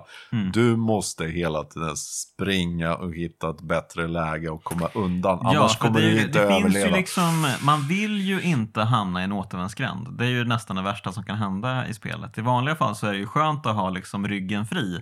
Men det är ju sådana enorma nummer som stormar fram liksom. Så att, Och det- kommer från så många olika håll samtidigt. Att de Ja. kan verkligen omringa dig på nolltid. ja, och eh, grejen är att eh, på de flesta platser så finns det ju ständigt platser de kan komma bakifrån. Det finns ju liksom fönster de kan ta sig in från. Man, man barrikaderar sig i huset då, i byn som vanligt och försöker fly. Och sen så eh, märkte att de har gjort lite roliga liksom, eh, digs också. Det finns ju ett annat hus precis bredvid det, det huset där man bar- barrikaderar sig och hittar shotgunnen. Eh, och i det huset, jag, jag blev helt eh, överlycklig när det hände. Men jag var liksom på väg in där när alla sprang runt omkring och jag bara “Hjälp, vad är det som Det är pågår?” kaos, det är fullständigt Det är fullständigt kaos. Och så kommer jag inspringande i det här andra Alla huset skriker. och, och på väg mot eh, nästa dörr. Men då helt plötsligt bara så sprängs dörrarna upp på garderoben och så springer ut en snubbe från garderoben och försöker döda mig. Jag blev, jag blev så Och han bara “Jag är glad. gay, jag är gay!” Oj, Jag ja det hade ju varit speciellt i den situationen verkligen. Nej men alltså jag blev så, jag blev så glad. Men, att, men det, eh, här är ju, det här är ju någonting som, som faktiskt jag reflekterade över nu när jag spelade klart kapitel 13. Att från ingenstans i de här trista jävla utility-korridorerna så är det någon jävla eh, masugn eller någonting som det springer en brinnande Ganado Ja. eller bara människa av- och som utgör typ noll hot mot dig. Det är bara så här nästan som en comic relief. Liksom. Man bara, vad är det här? Mm. Och, Ja, och, och det, det är som en så här skön överraskning. Man bara, jaha, det här hände precis. Liksom. Ja. En annan grej som jag verkligen gillade i byn också, det är att man kan klättra upp i ett torn där.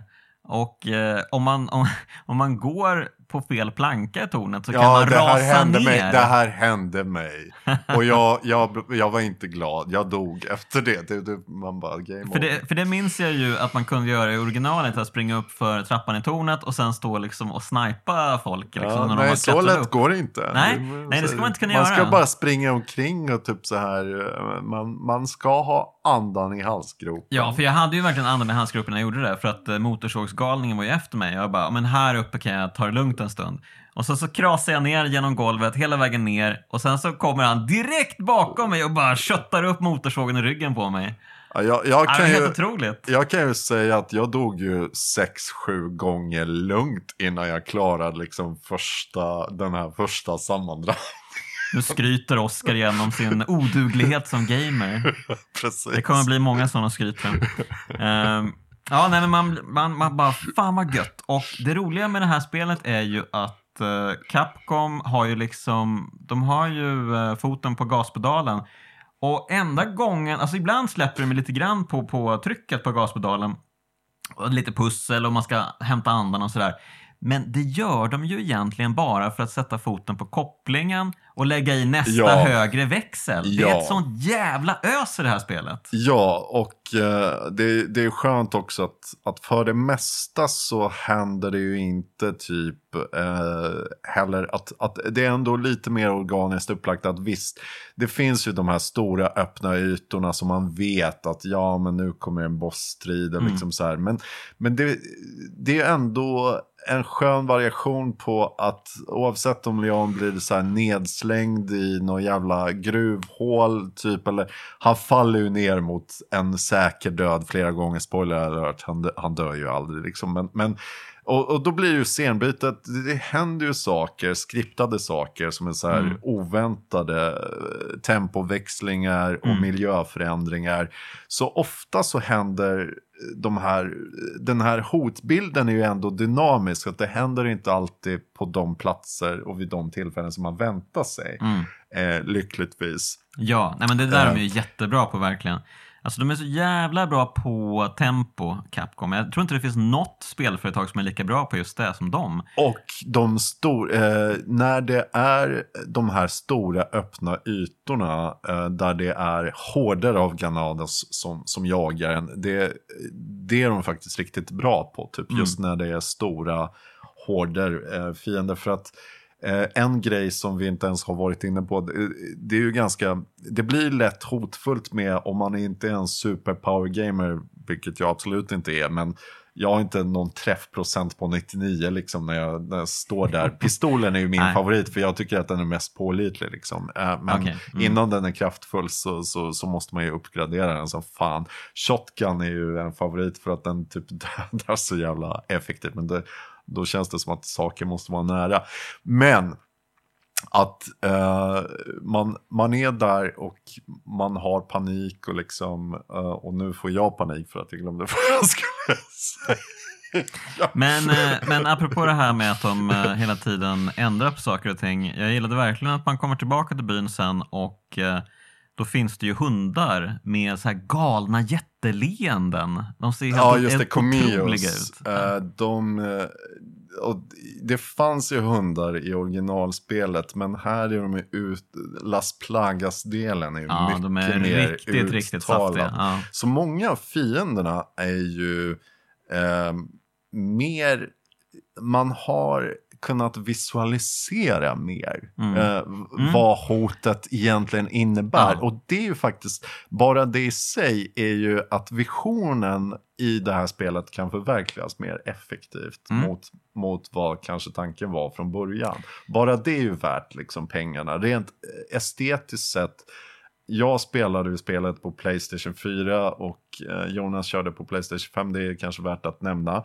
Men jag tyckte ju typ att eh, till och med på min 4 det kändes som att spelet liksom maxar kapaciteten på Mm. konsoler. Jag tycker att estetiken och atmosfären är riktigt, riktigt bra. Så jag Ja. kan bara föreställa mig hur snyggt det, det ser ut på en eh, Playstation 5. Ja, jag liksom. kan visa det sen här. Ja. Eh, nej men det är, jag- ja, det är otroligt, otroligt snyggt. Eh, verkligen. Eh, ett av de absolut snyggaste spelen jag någonsin sett. Ehm, Nu, nu, nu kommer jag förresten på vad jag skulle säga. Jag, jag skulle säga så här med, med striderna, typ just de här stora öppna striderna eh, i de miljöerna. Dels så är det typ det här att man kan springa runt och, och det finns flera olika färdvägar. Att, att kartorna är bra och genomtänkta. Mm, Det, det mm, är mm. vi nog överens om. Men, Ja. men det finns alltid för de som inte är power gamers Eh, om man ger sig till tåls och utforskar omgivningarna så finns det nästan alltid liksom ett alternativt sätt att ta fienderna av daga på med Mm. hjälp av omgivningen. Så där vill jag ge ett litet Mm. tips att ni som, som inte är så eh, så skarpa shooters eller ni som får lite lätt panik liksom. Eh, gör inte slut på all er ammunition utan utforska omgivningen medan ni springer iväg från dödens käftar så kanske ni hittar en enorm takkrona eller någon Ja, jävla det. sprängtunna som ni kan dra fördel av. Ja, för det där tänkte jag på inne i slottet att eh, jag ofta blev liksom rädd för det var så himla många och eh, att jag liksom stannade kvar vid ingången och försökte liksom pricka Ja, det fienderna där. också. Det är ett Mm. vanligt misstag att göra känner jag. För att man ska ju liksom bege sig in, hitta de här liksom klassiska tunnorna som går att spränga, eh, takkronor som går att eh, sänka eller liksom krossa fiender med. Man kan till och med använda levande missiler i form av kossor som, som brin- brinner som man kan skicka på Ghananas. Just det, just det, precis. Men, men jag, jag var inte skarp nog att komma på det där själv. Mm, mm. Och Eh, jag, det, verkar, det verkar också lite, lite elakt mot, uh, mot stackars Rosa. Annars är ju ett tips då att eh, om man vill eh, bli lite bättre på spelet och kanske ha kvar lite mer ammunition till bossstriderna är ju att eh, försöka separera fienderna, se till att inte ha liksom ett helt gäng med sig hela tiden. Skjuta en fiende i benet så att den kanske börjar halta eller till och med faller omkull. Snabbt Plåga dem lite Ja, innan. nej, men sen snabbt fram och hugga med kniven. Eh, Det är viktigt att uppgradera kniven också för den är ju ett väldigt, väldigt bra komplement. Se, se till att utöka hållbarheten på kniven. Det är det bästa tipset som Ja, det här med hållbarhet, tyck, vad, vad tycker vi om det egentligen? För det här, är ju liksom, det här kommer nog vara lite av en... eh, Kontrovers. Ja, jag Ja, tror att många men- kommer ogilla det här. Jo, men jämfört med Ashley som, som, mm, som inte Kniven kunde... kan ju gå sönder alltså och då måste man laga den och köpa den. det, det är ju ändå väldigt lite tycker jag av en... Ja, i början, innan man fixar uthålligheten på kniven så, så kan det vara typ definitivt en issue om man blir infångad av zombies hela tiden och den går sönder för att eh, det som är viktigt är att säga att det är ju primärverktyget för att frigöra sig ur zombies, eller ur, vad säger jag, zombies, Ganados grepp typ. Sorry allihop. Ja. Eh, nu, nu är vi inne på typ så andra timmen här eller? Ja, nu, vi har suttit en stund, absolut. Ja. Eh, typ så att, men eh, därför så, så är den så här livsviktig. Um, så Ja, för det kommer ju upp en sån här prompt om man, när man blir liksom greppad av en fiende. Om man har Mm, kniven Den redo, animationen. eh, så, så kan, om man hinner trycka till så kan man ju frigöra sig och eh, sätta kniven i halsen på fienden. Yes, och, och då släpper de omedelbart och dessutom skadar du eh, fienden rejält. Så att, Mm. eh, satsa på att uppgradera kniven så snabbt som möjligt.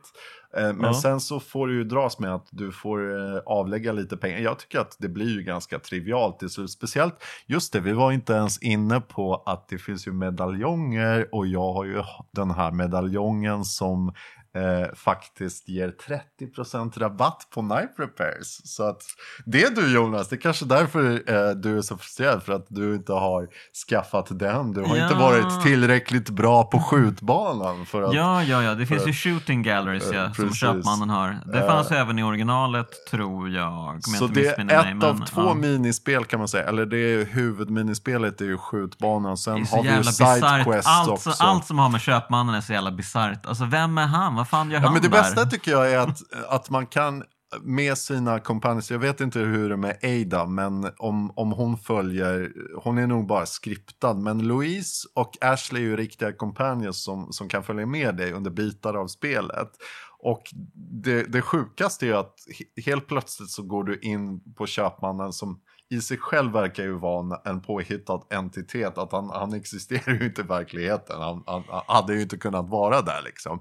Ingen försöker döda honom, han, han bara finns på alla möjliga platser samtidigt dessutom. Ja, alltså, hade, Men- hade jag varit Leon så hade jag ju bara lämnat Ashley hos köpmannen. Bara, här är du trygg, inga problem.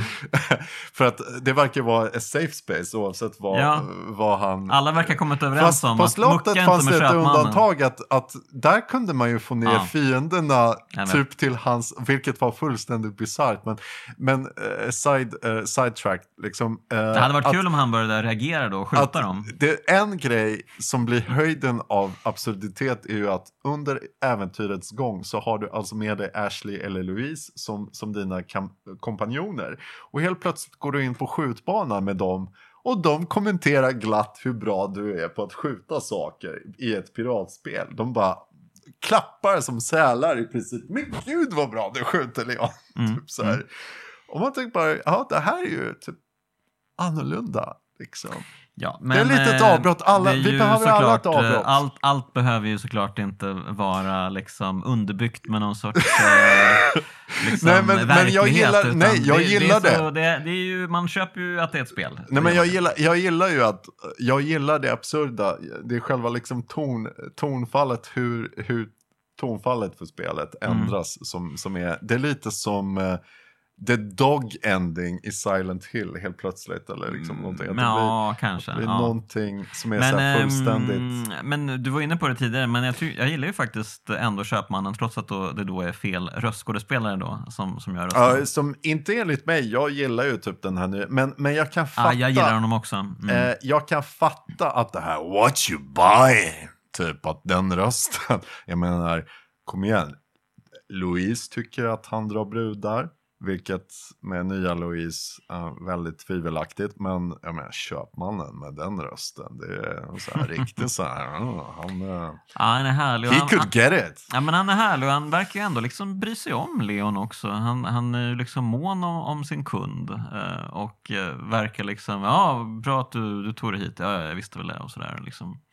Det, det, det byggs upp en liten uh, ömsesidig respekt nästan. Men det finns ju väldigt mycket lore bland gamers över köpande att i originalet så spekuleras det ju att de är tydligen bröder eller att det är en massa olika köp. Men, men Tänker du på köpmannen i Resident Evil 8? Nej, där är det väl bara en. Han är kommer du tjock- ihåg det? Han den, är- den, den tjocke jättetjock- är, är ju bara en.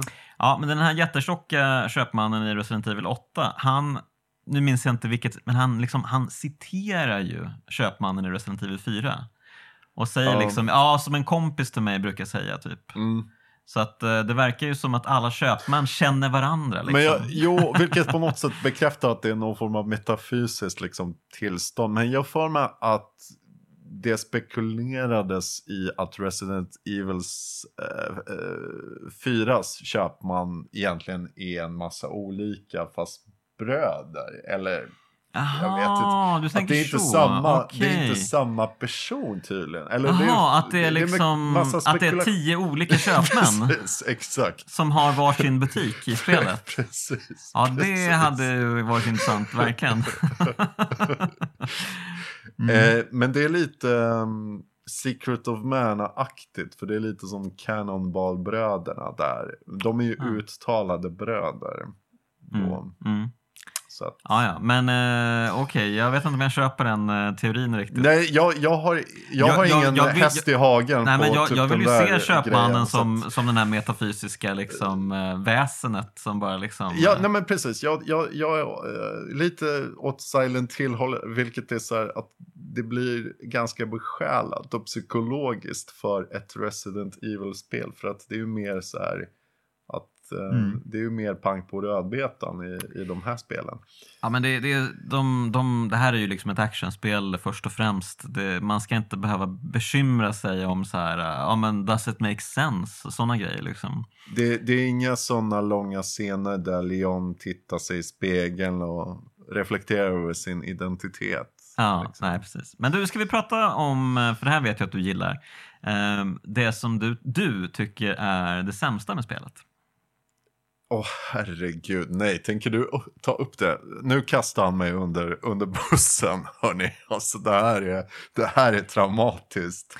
Ja, jag, jag, jag vet ju att du hade lite problem med det här, för du, du ringde ju faktiskt mig under din genomspelning och bara eh, hjälp skrek du liksom. Ja, Eh, jag skrek ju inte. Jag, jag, jag sa så här, Jonas, du är den person jag känner som är, som är mästare på spel. Skulle du kunna lösa det här åt mig? Det var då ett pussel då som du hade problem med på sjön. Eh, ja, det är att man vandrar runt i olika grottor och det är ganska mörkt och det är stalakiter överallt och det är lite granados här och där och Mm. de är ganska lätta att pricka av. Problemet är att det finns liksom det här är för att öppna kyrkan så det är absolut alldeles i början på spelet. Det är innan man ens får ut Ashley liksom Mm. eh, ur hennes fångenskap. Eh, och då finns det två stycken eh, typ emblem man ska Ja. få ut bakom låsta dörrar. Mm. Och det finns ju symboler i de här grottorna som, Mm. som är tydliga och man ser dem lätt liksom. Så det, Det är inte det som är problemet. Nej. Problemet var ju när man väl skulle till någon jävla solursskiva som man skulle liksom vrida på saker och trycka på saker. Eller Mm. man skulle trycka på saker som, eh, som var i en cirkel. Och jag fattade fan ingenting. Och då vill jag också påpeka att jag videolänkade med Jonas och visade det här för honom. Och han fattade ingenting heller. Så där fick Nej. jag min retribution. Nej, men nu, nu vill jag ju ändå säga att jag har ju spelat spelet nu själv. Jag har ju Ja. hållit i handkontrollen och gjort det här. Och eh, jag har två saker att säga. Eh, den ena saken är att jag förstår dig. Att eh, det var lite klurigt eh, det här. För när man liksom bockar i en symbol på det här liksom soluret så liksom hoppar ju eh, liksom markören över Ja, till man kan symbolen inte ta till nästa. vänster. Man kan inte. Men grejen är ju att, eh, och sen så är det väldigt svårt att nå symbolerna som är liksom i hörnen. Nej, precis. Det går inte. Det är bara nästa... Om den hamnar på den som är framför så kan man gå ett steg fram. Mm. Det var typ det enda sättet att Ja. hamna där. Just det, eh, det är mycket lättare. Man kan nå liksom den som är allra högst upp och allra längst ner och vänster och höger. Inga problem. Exakt. Liksom.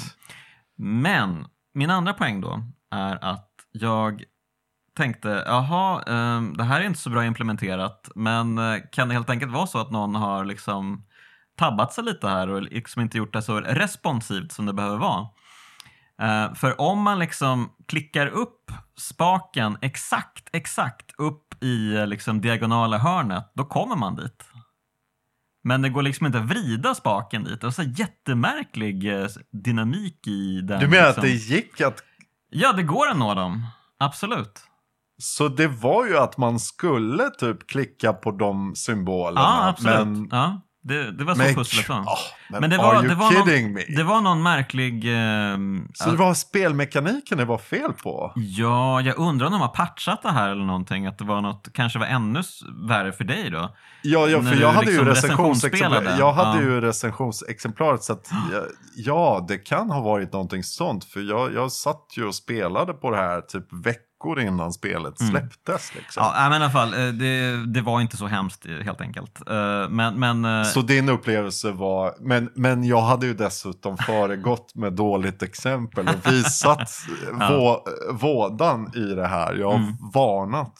Mm. Jag typ gick Jonas Högberg så att du kunde springa Mm. fritt på fältet. Och det, det gjorde jag verkligen. Ehm, härligt. Eh, ja, men eh, det var lite kul där på sjön. Man kunde liksom åka runt med båten lite som man ville. Eh, Det var nästan lite öppen värld. Så man kunde åka till man, platser. skulle, man skulle rent av kunna säga att det var fridfullt fram till ett visst ögonblick. Då. Ja, det finns ju en boss då på, på sjön också. Men den dödar man ju innan man får chansen att åka runt själv. Ja. Tack och lov. Tack gode gud. Men den var ju nästan exakt likadan som originalet, det här när man ska kasta harpuner på jättefisken. Ehm, det var kul att de liksom, de hade liksom inte ta, fuckat med den överhuvudtaget utan bara, ja men... Nej, mekaniken, mekaniken var ju eh, irriterande nog. Den som, alltså, det var inte så, alltså när det gäller bossstrider så den är ju camp och så här lite, lite En jättefisk mitt i sjön. Ja, precis. Jag älskar, jag Eh, älskar den här mellansekvensen. ark. eh, Jag älskar den här mellansekvensen innan bossstriden när man, och Leon liksom har kikaren och kikar ut på sjön och ser den här båten med de två Ganados som slänger ut ett lik. Mm. Och så hoppar den upp och, och uh, mumsar i sig det.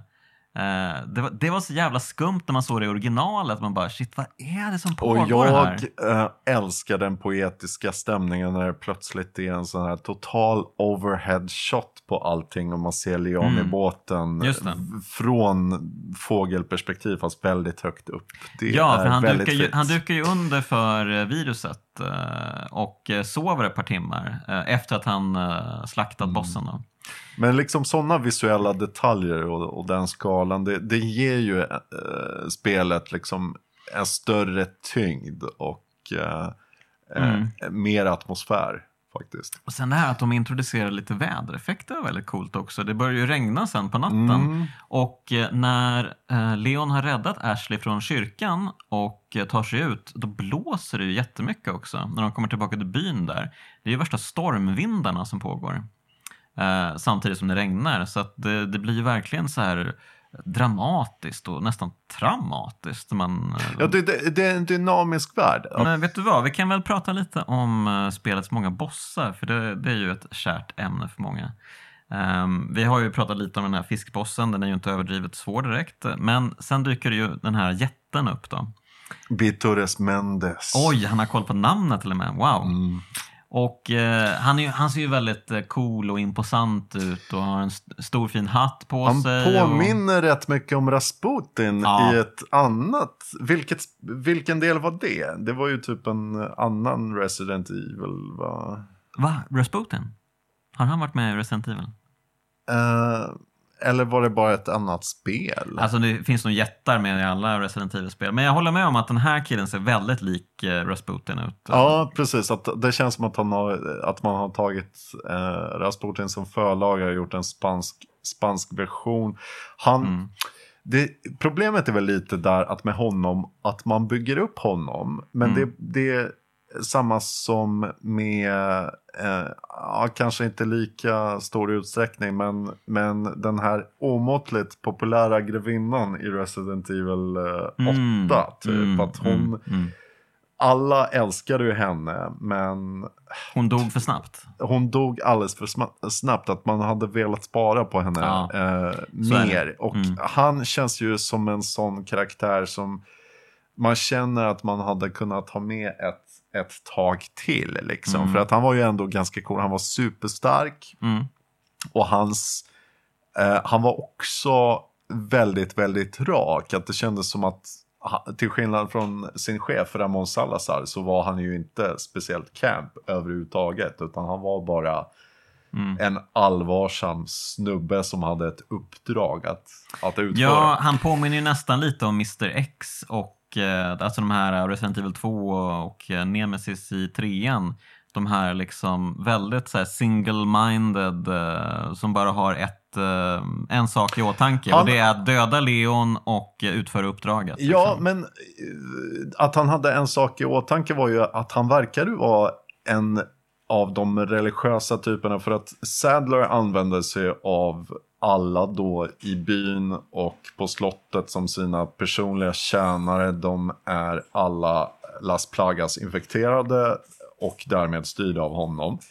Eh, och Sadler är ju ledare för en släkt eh, en, en sekt som heter eh, Los Illuminados. Eh, Mm. och det är någon konstig mischmasch av religion där, där de dyrkar typ parasiten och liksom, Mm. som, som någon form av gudomlig Det är, några, det är några fina scener inne i slottet. Man kan liksom, man, man stöter på eh, en liksom ehm, en, en plats, eh, a place for worship. Mm. När man ser en sån här ehm, varelse som har liksom Mm. stelnat, som sitter i någon sorts buddha-ställning. Yes. Och sen så ser man hela den här Mm. liksom ehm, saken sträcka sig upp från hans huvud. Väldigt Fryst mycket i alien. tiden. eh, Fryst i tiden och sen så omringas eh, den här av fyra eller fem liksom nunneliknande personer som också verkar lida eller liksom, de har också stelnat ja, i det, sina det, uttryck. det är kropp, kroppar förvridna i förtvivlan, eh, typ lik. Det ser ju faktiskt ut som, som Samtidigt som, döda de dyrkar då liksom. Eh, precis, att, att det finns en tydlig vision där av att det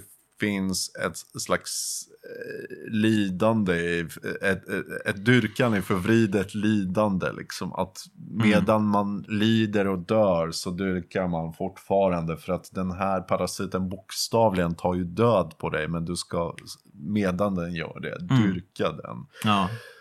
Uh, så, Ja. så det är ju svinläskigt uh, egentligen hela grejen, men, men det utvecklas ju tyvärr inte. Jag menar, hade, hade man vågat sig på typ att vi vet ju alla att Resident Evil är inte liksom Silent Hill, men, eh, men det finns ju saker där, speciellt med parasiterna, om vi lämnar zombierna, för att zombies går ju inte direkt att utveckla liksom, någonstans åt något håll.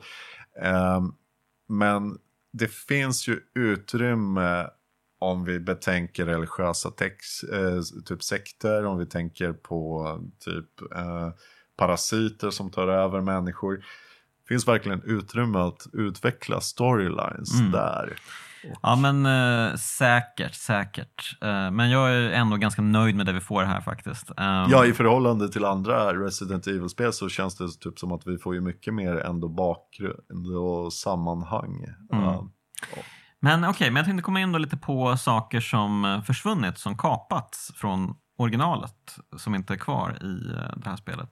Eh, För i bosstiden ner till jätten då, som för övrigt ju är en ganska kul fight när han liksom han separeras eh, liksom i två olika delar av kroppen och så är det liksom den här eh, insektsdelen i mitten och så blir det någon sorts Mm, exakt. varelse som skuttar i taket och håller på. Det brinner Ja, det är till och med i Jätte, tre, jättebra. tre olika delar liksom att, att Ja. han, eh, han muterar ju två olika liksom. Ja. Nej men en kul fight tycker jag. Och, men i originalet så åker man ju en liten skidlift eller något liknande. Alltså man åker en linbana ner till en stuga och har den här fighten med honom. Det har man ju inte här. Utan den stugan dyker typ bara upp när man springer och liksom, ja, brandbergen. Um, ehm, så att uh, den grejen kapar de och sen så kapar de även det, det beryktade lavarummet i slottet. Uh, minns du det? Det är ju otroligt märkligt. Uh, man, man kommer in i ett gigantiskt rum i originalet då. uh, fullt med lava. Och så är det liksom uh, drakliknande statyer som spyr eld omkring sig. Och så ska man lösa ett pussel här inne. Jag minns inte riktigt, men det låter ju väldigt Resident Evil. Det låter också som någonting frustrerande likt någon grotta i elden ring som man helst vill undvika. så att, Ja. eh, nej, jag tycker att det var helt rätt beslut att, att ta det här förbaskade För det- rummet och, och Det kändes, åt- lite, åt det kändes lite weird, lite camp. Men, men det, det är ändå kul att de, de kombinerade ändå det här med att de här drakstatyerna som spyr eld. Och så finns det en annan del i slottet från originalet som de kapat och det är nämligen en staty av Salazar, den här kortväxta, ondskefulla liksom, herren över slottet, eh, som går. Eh, Ja, just det. Och så det? ska man springa bort. Jo, och så jag- ska man eh, gå på hans händer också samtidigt som man styr den här statyn Ja, framåt. den, den delen, för det känns ju så camp och det känns ju på något sätt så, så Salazar. För att eh, man har ju fortfarande hans statyer typ som sprutar eld. De finns ju kvar. Ja, men Eh. det är ju det jag menar. De har kombinerat det istället. Så statyn från, alltså Salazar-statyn och de här drakstatyerna som sprutar eld, de har blivit en och samma nu. Eh, en Salazar-staty som sprutar eld i ett Ja, det torn. fanns inte i original. Nej, det minns inte jag i så fall. Um, Okej, okej. Ja, nej, men jag minns, inte, jag minns faktiskt inte detaljerna så himla Nej, men bra. det, är ju- det är ju svårt. eh, Men eh, jag brukar spela om det här spelet varannat år eller något sånt där. Resident Evil 4. Eh, det är ju antagligen ett av mina topp 10-spel skulle jag säga. Det är ju otro- det hamnar- ligger mig otroligt varmt om hjärtat, Resident Evil 4. Det, det hamnar ju på mångas topplistor alltså. Det... Vad, vad tycker du i förhållande alltså, om, om Leon själv i, ehm, i den här versionen kontra originalet alltså? Typ. Ehm, Ehm, Leon, ja, men jag har väl varit inne på det, att jag gillar honom. Att han, jag menar, alltså, han är ju verkligen en, en klassisk eh, hjältefigur, men han eh, känns så ärligt skriven, kan man säga så? Alltså allt, eh, att eh, han liksom inte är, Um, han är inte liksom nasty för att det ska hända någonting i storyn eller liksom det ska bli någon beef mellan personer, utan han, han är hela tiden sig själv på något sätt. Jag funderade lite på, på honom i förhållande till andra hjältar i franchisen. Att, att jag tycker att Leon är lite camp ändå någonstans. I, i, det är inte så Mm. konstigt att Ja, han, men är hjälte, att han är hjälte i just det här spelet. För om man tittar på de andra tre så känns de ju ändå lite blekare i jämförelse med Absolut. Att, att de har lite trä, trä, mer träaktiga personligheter. Eh, Alltså, att han, don't- han är ju- Don't get me started on Chris Redfield säger jag bara. Eh, Chris Redfield är ju mest den här militära liksom eh, jocken. Han är ju typ en, en eh, militärkommandotyp som är väldigt sportig och liksom Mm. han följer order och sådär.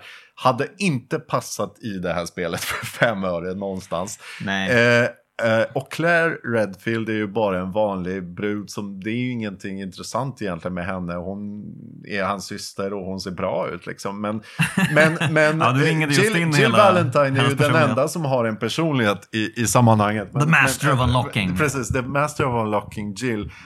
Eh, De borde kanske göra henne lite lesbisk för att edga, edga till henne. Liksom Jag vet inte om du tänkte på det, med. men eh, hon eh, hjälper ju, Ashley hjälper ju Leon öppna en dörr i spelet.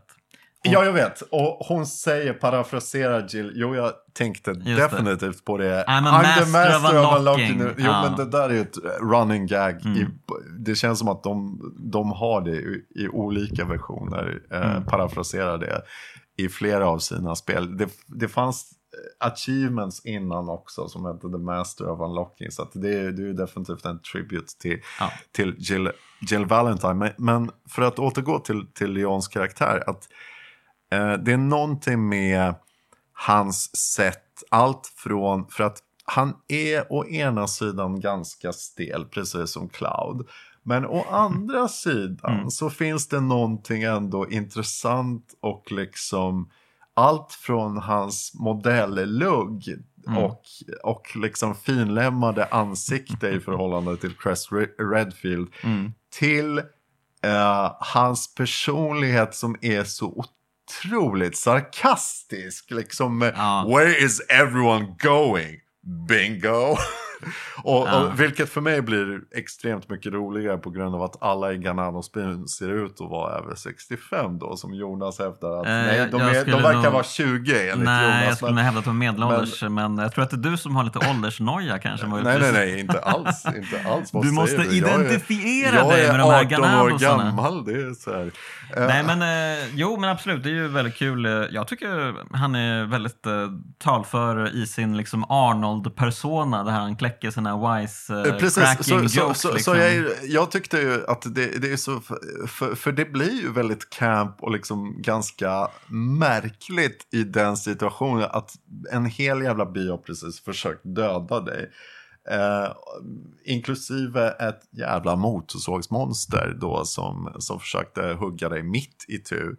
Men så ringer kyrkklockorna och då går alla fromt till mässan och bara mumlar lite. Så här, Donde estas? Så här. Lord Så att, Sadler. eh, Precis. Och, och bara tittar eh, Leon omkring sig och, och, och ser det här och så bara Where is everyone going? Bingo. Och, och, och, och, och, det blir liksom ehm, att det blir ju en, en typ av mood liksom som, eh, som är Ja, det är typ som B-filmer. Det är typ som, som den här Resident Evil, eh, George Romero, liksom, eh, Camp. Eh, inte Ja, speciellt. jag vet inte, George Romero kanske är en dålig eh, jämförelse, för jag tror inte det var så mycket wisecracking i hans filmer. Men, men eh, absolut, det är ju, det är ju verkligen så här 80-90-tals eh, actionfilm som, som liksom Med one-liners, ås- åsyftas liksom. med den här typen av one-liners. Men Och- eh, det och- gör han ju med den äran tycker jag. Och eh, det som är så bra med Leon är att han lyckas kombinera liksom Arnolds klassiska one-liners liksom från eh, hans klassiska filmer, typ som Commandos och, och dylikt. Ehm, som är väldigt cheesy och väldigt så här: oh my god, sa han verkligen just det där? Eh, med att samtidigt vara liksom den här varma, mysiga personen, vilket eh, man kanske inte riktigt sett eh, Nej, tidigare. tidigare. Nej, absolut. Och jag, jag håller med. Men apropå det här med roliga dialoger. Jag tycker att, och bossstrider, det leder ju mig in på den fantastiska bossstriden med Ramon Salazar. Mm. Ja, den är ju väldigt bra. För väldigt, där kan man säga, bra. sällan har man ju sett så mycket dialog i en bossstrid. Det kommer ju som en stridande ström ur den här Mm. varelsens mun. Den lilla greven har ju en oändlig mängd haranger han får ur sig liksom, Mm. under stridens gång. Och det känns verkligen som en dans för att han refererar hela tiden till en dans. Och det är ju en dans mellan, mellan honom och eh, eh, Lyon eh, genom spelets gång då fram, fram till hans eh, oturliga död eh, där, speciell, eh, som, som kom precis efter striden. Eh, men det känns, det känns liksom härligt intensivt och självrefererande. Mm. Ja, men precis. De pratar ju precis om att de är med. Det är fram och tillbaka, de- det är som de- en jävla munhuggarmatch. Liksom. Ja, det blir nästan lite Shakespeare-aktigt så här att, eh, och självreflekterande, precis som du är inne på, det här att ah, vi är med i en film och så Leon bara, det är en B-film och det är verkligen Jag ett, tänker inte vara med i ditt kassamanus. Ja, det, liksom. det är ett skönt tugg verkligen, samtidigt som man är superstressad för att det, han är För ju... man vet inte vad som pågår alldeles i början. Liksom. Det går ganska snabbt i den striden faktiskt. Om, om man, alltså originalet så är han ju helt fast. Han är ju liksom fast Statisk. i väggen, statisk eh, Salazar. Han blir ju liksom en enorm växt liksom som blir en han blir som en blomma liksom. Han som är som, sig. som slutbossen i Resident Evil 3, typ. Ja, men han öppnar ju sig den här blomkapseln och där inne finns hans eh, sanna jag, eh, liksom hans kropp då. Och så ska man skjuta honom när eh, blomkapseln öppnas. Men här är han ju mer liksom någon sorts eh, flygande eh, ja, flygande monster bara liksom som, som fortfarande har lite de liksom insektslika eh, flygande insekterna som finns eh, på den banan också till innan. Eh, det, det är ju tydligt att han liksom att han är en del av den här insektsfamiljen som finns just där. De här flygande Ja, insekterna. det finns ju typ exploderande puppor och eh, det kastas gift till, till höger och vänster. Eh, men det, det största giftbollarna kommer ju onekligen ur grevens mun som vill verkligen, inte nog med att han vill döda dig och kan döda dig, eh, one-shotta dig faktiskt väldigt effektivt om du kommer för nära, vilket de jag tror inte att det finns någon annan boss. Jo, ja, i början rent teoretiskt kan ju Del Lago verkligen one-shotta dig med spela med. Han, mm. han gör ju mm. inte det i, under stridens gång. Men kom inte för nära den här eh, lille greven för hans käftar har ju blivit enormt stora. Men under stridens gång så gäller det också att, att se upp för hans mun, munfajtande för att han spyr sig en massa galla mm. och har otroligt mycket att säga om Leon. Han kallar dig bland annat uh, för um, demonavkomma och uh, typ du borde aldrig blivit född och typ en massa mm. uh, sådana saker. Så att han, mm. han går verkligen in på djupet här. Ja, ja. Uh, ja men en jättekul fight som sagt och uh, jag tycker ju att uh, slottet är ju väldigt roligt.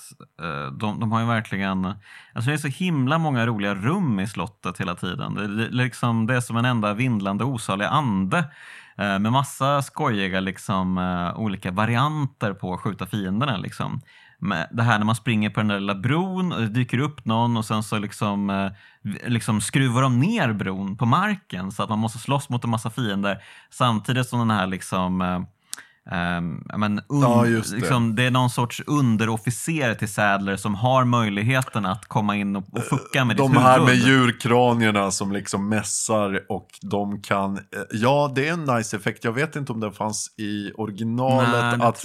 Att här plötsligt så kan, och jag tror att det är också en del av Las Plagas-parasiten, som att mm. på grund av att man har den inuti sig så blir man faktiskt påverkad och försvagad och, och skärmen darrar liksom för ett ögonblick så att man, eh, man blir riktigt stressad mm. under, under stridens gång med de där jävlarna närvarande faktiskt. Mm. Uh, och jag håller med att det uh, slottet känns väldigt rikt. Det, det, är många rum, både stora och små, mycket att upptäcka väldigt mycket skatter.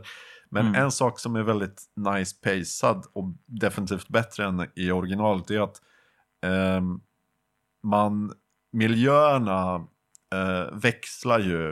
Eh, till och med i, i slottet får man en väldigt fin variation på interiörer och exteriörer mm. som är en del av handlingen. Att helt plötsligt, helt plötsligt så ändras ju också typ sättet man spelar på Fast det känns inte så framtvingat utan det känns på grund av omgivningarna mer organiskt som när den där eh, bepansrade jätten slänger en ja. massa bumlingar på en och helt mm. plötsligt mm. är det någon form av metal gear solid där man ska typ ta skydd hela tiden och gömma undan sig samtidigt som fiender faktiskt också springer för att eh, ta död på dig. Så det ja. finns hela tiden tvingar spelet en att Eh, anpassa sig till situationen. Anpassa sig till situationen att nu ser hotet annorlunda ut och nu måste du spela på ett annat sätt. Ja, man får tänka väldigt mycket i det här spelet samtidigt som man måste liksom reagera instinktivt. Så att uh, man måste liksom ha två tankar i huvudet samtidigt nästan. Ja, och jag tycker det, det, blir faktiskt rätt mycket. Jag tror för de flesta, de som inte är power gamers med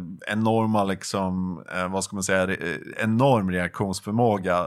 Alltså för, för de flesta av oss så, så blir det mer trial and error. Att man kommer definitivt, när råkar ut någonting för första gången som man inte vet ska komma. En, oavsett om det är en stor jävla kula som rullar neråt eller... Mm, mm. För det kommer en massa fällor och det kommer bara mer och mer mot slutet. Liksom. Mm. Så att det är ju garanterade så här insta-kills som man sen, man lär sig, aha, här måste man använda en strategi och så får man anpassa sitt spelande mm. till Ja, men det, ibland råd. så kan det behövas en eller två dödsfall innan man liksom snappar upp vad det är ja. man behöver göra. Liksom. Och, eh, men ja, och, och, det finns ju också liksom, om man är påkopplad så finns det ju möjligheten att uh, fixa det på första försöket. Det finns ju absolut. Um, och eh, ja, men, eh, det, det, är så bra pace och det, det är så många olika passager, trädgården och när man kastas ner där i avgrunden och måste gå runt i kloakerna och ta sig långsamt uppåt. man klättrar uppåt, uppåt, uppåt hela tiden. Man kommer till den där märkliga passagen med det där experimentet som jagar en i korridorerna. En Verdugon som tydligen är antingen en hushållerska eller en butler. Ah. Enligt, ja men det här står ju i speldokumenten. Ja, Hallå, ja, ja, en- självklart. självklart.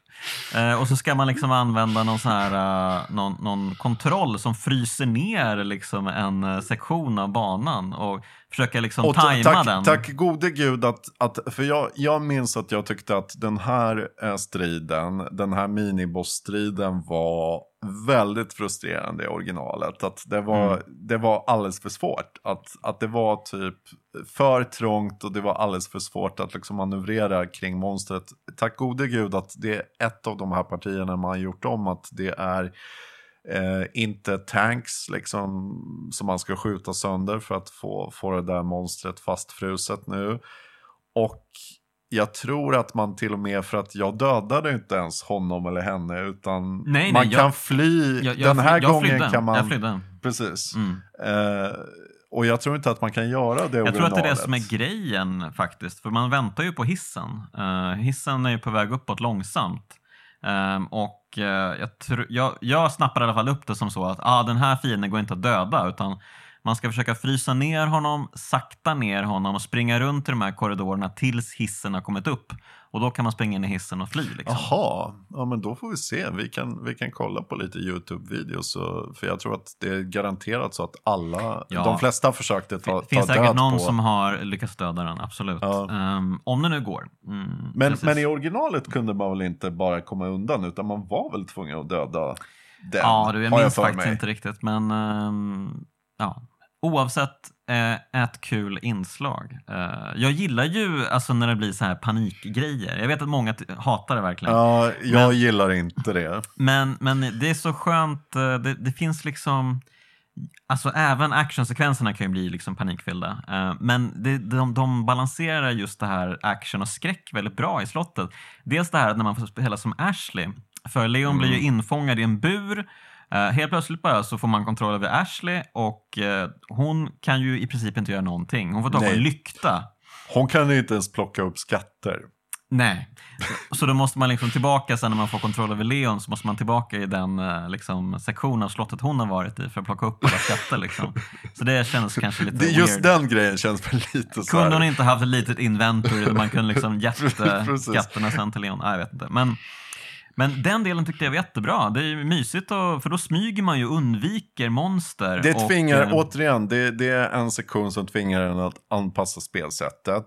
Eh, Mm. Och det är ju såklart lite för, för, ett action, för en actionspelare så är det ju inte naturligt att, att vara begränsad på det Mm. sättet. Så det Mm. är ju frustrerande. Men samtidigt så är det också det som tycker jag visar spelets storhet. Att det är inte att vi ska hålla oss till genrekonventionerna Mm. hela tiden, utan det är ett större tänk. Att, Mm. att man tänker utanför boxen, att man faktiskt erbjuder mervärde och det tycker jag att man gör väldigt bra. Det är en av de där grejerna som, som originalet, redan då kom man ju på den här sekvensen. Eh, så att det visar ju att det här är ett uppfinningsrikt spel. Det här Mm. var ju typ ett tongivande spel. Och Ja, verkligen. det, det visar ju fortfarande remaken som är förbättrad eh, på, på så många plan. Speciellt när det gäller eh, stämningsläget, eh, liksom Mm. den psykologiska aspekten av spelet. Mm. Eh, att det här är fortfarande ett, ett spel som ligger i framkant. Mm. Ja, nej men, eh, ja precis. Eh, Jag kanske inte är lika förtjust i den här liksom gruvvagnsracet Åh med nej, åh fy fan. För det här nej. är en sån här klassisk eh, spelgrej, att man alltid ska slänga in någon sån här jaktsekvens där man ska akta sig för fiender. äventyrsspelsaktigt, Ja, Nathan Drake-aktigt. Ja, exakt. Det blir lite sånt. Man hoppar in i en gruvvagn och sen så är det liksom ett jävla ös på den och samtidigt så kommer liksom gruvvagnar på vänster och höger sida så man ska skjuta fienderna i dem. Det där finns ju till och med i som man ska Final... skjuta liksom grejer framför en också. Man ska skjuta liksom... Ja, ja, men jag tycker att det där, det där är typ för de som är tekniskt bra på, på pang-pang på att skjuta. Det är för att känna som en sån här power gamer. Att, ja, ja. Att, Mm. Ja, nej, Ja, jag men tycker... jag tyckte det var tråkigt också. Ja, ja, det är jättetråkigt. Och min, min vagn på normalnivån var ju att den överlevde med nöd och näppe. Liksom, Ja, där, ja. Så, här. Mm. Så att man är bara, bara jag slipper ta om det här igen så Mm. blir man ju så här glad. Liksom. Precis, den var man bara nöjd med att man slapp liksom, när man var klar med den. Ehm, ja, och uh, stackars Louise han blir ju dödad av uh, Krauser då, så dyker upp. Och, mm. Ja, men, men apropå Louise så, så måste jag säga att, att jag tyckte att visst, han, han kanske har mer så här eh, utbyggd story här i eh, remaken, men han är ju definitivt sliskigare än i originalet. Jaha, jag tycker att, spännande, att okej. i originalet så, så är han ju också mer, mer attraktiv. Här, här har liksom hans, hans utseende, hans röst, man har gjort honom till lite av ett pervo känns det som. som av, av vilken anledning alls. Och typ att varför måste man ha den här stereotypen och bara "Ah, I'm a ladies man. Mm. Alla, alla kvinnor kommer sakna mig. Han är ju inte ens den typen av karaktär. Han är inte ens den typen av person. Varför måste han tvinga att vara den pastischen på, på en spanjor?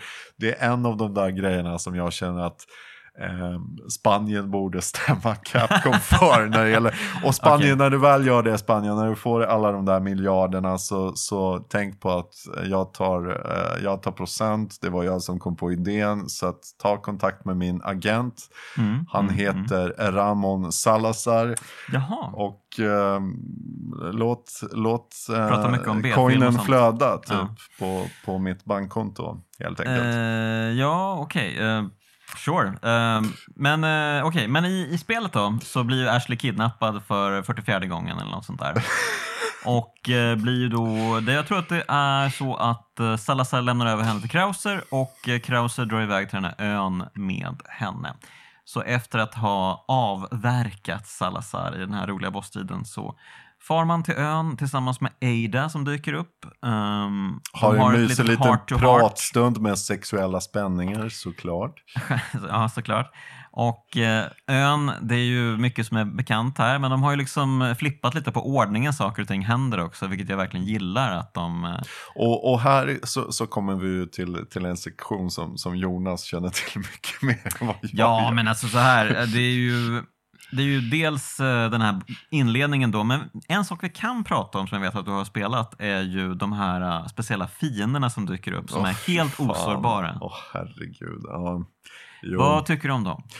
Ja, de kan dra åt helvete. Det är vad Mm. jag tycker. Alltså de där jävla fetknopparna som liksom glider omkring på, på marken som klubbade sälar. Alltså vi, vi diskuterade det här innan podden och vi tycker att det är så här horribelt. Å ena sidan underhållande men å andra sidan fruktansvärt enerverade. Att man skjuter eh, lemmarna av de här fanskapen, både armar och ben. Och de, de är sådana typer av fiender som regenererar då. De, Mm. de heter regenerator.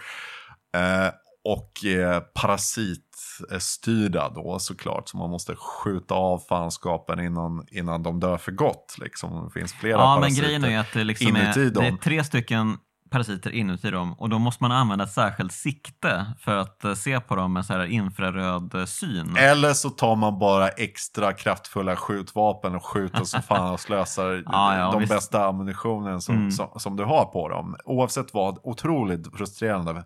Men när de väl hamnar på golvet, utan alltså armar eller någonting, så kan de med sin jävla mage eller huvud, de, de ser ut typ som, som, de är vita knubbiga sälar liksom. ja, med, ja, med här- Ja, precis. någon form av grinande dödsmask liksom, eh, till huvud.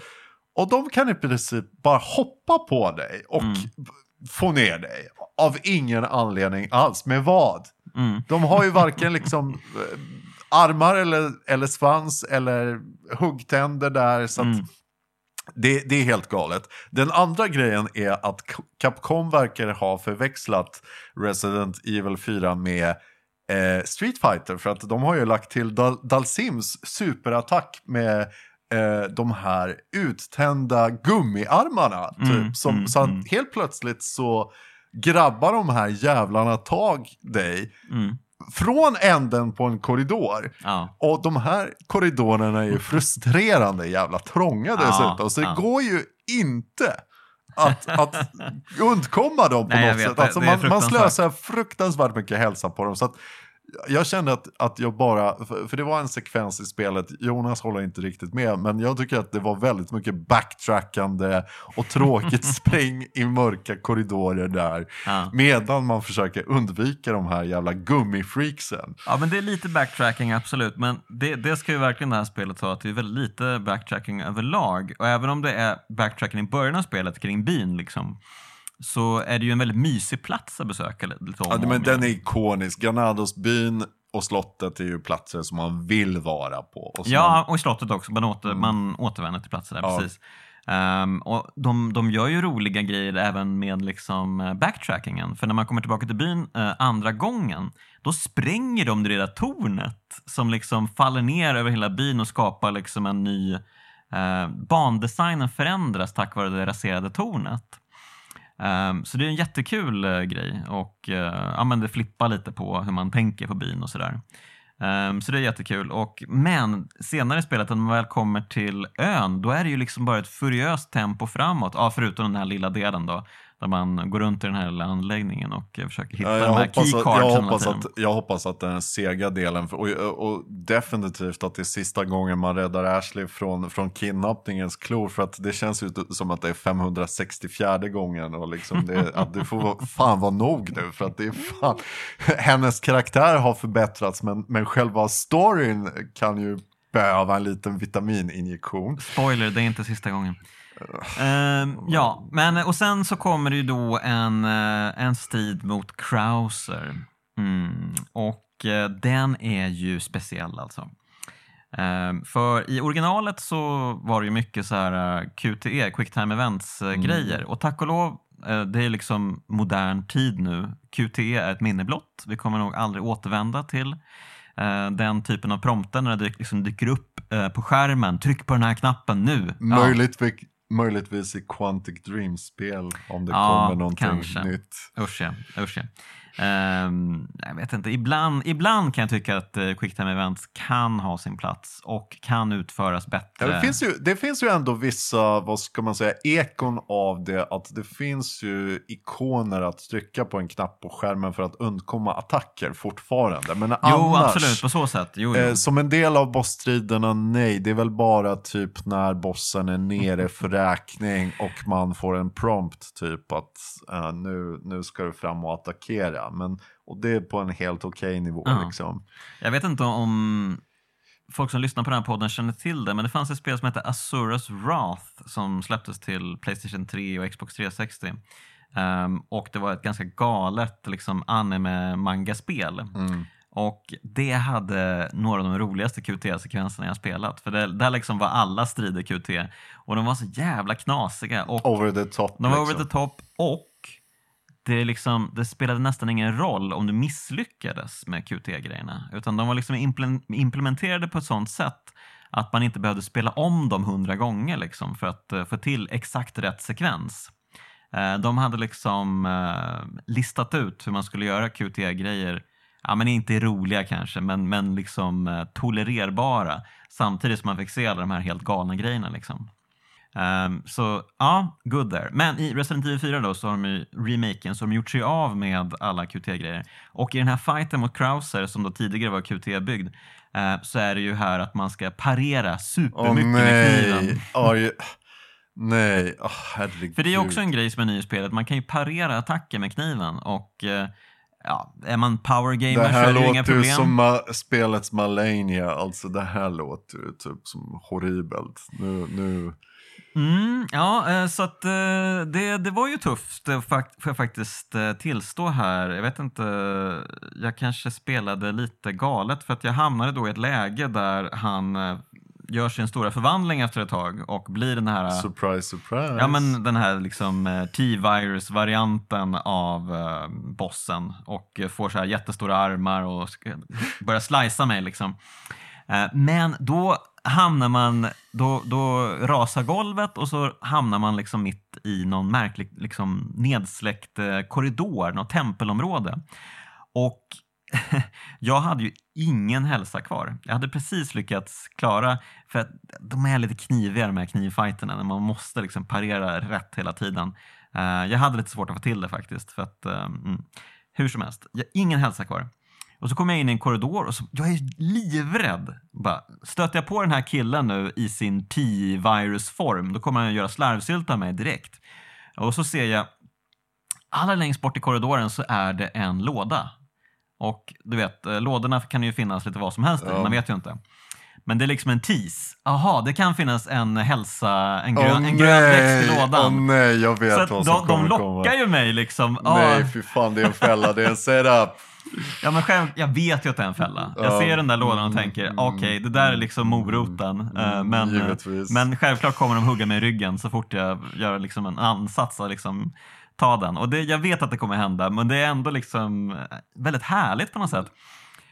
När jag liksom går framåt och så kommer han runt hörnet som en jävla dåre! Alltså det- han har en sån fart så det är helt sjukt och skär huvudet av mig direkt. Jag hade ju liksom ingen energi kvar, så att Mm. det, ja, det går inte att överleva den attacken. Jag spelar om den här sekvensen kanske 10-15 gånger. och bara, hur ska jag ta mig ur det här? Jag, jag testar att springa förbi honom, men det går inte. Eh, jag testar att ducka, för det kan man göra mot eh, vissa slag, men det gick inte heller. Ehm, och till slut så testade jag varenda vapen jag hade och till slut då, när jag fick in en headshot med magnumen på honom, vilket ju var helt otroligt svårt när han rör sig som en liksom vind. Ehm, då äntligen så liksom fick han den här åh, knockback-effekten och jag kunde springa mot den där jävla lådan och plocka upp en grön växt och ta mig vidare. Vilket jävla... Vilken jävla pers alltså. Ja, det om det.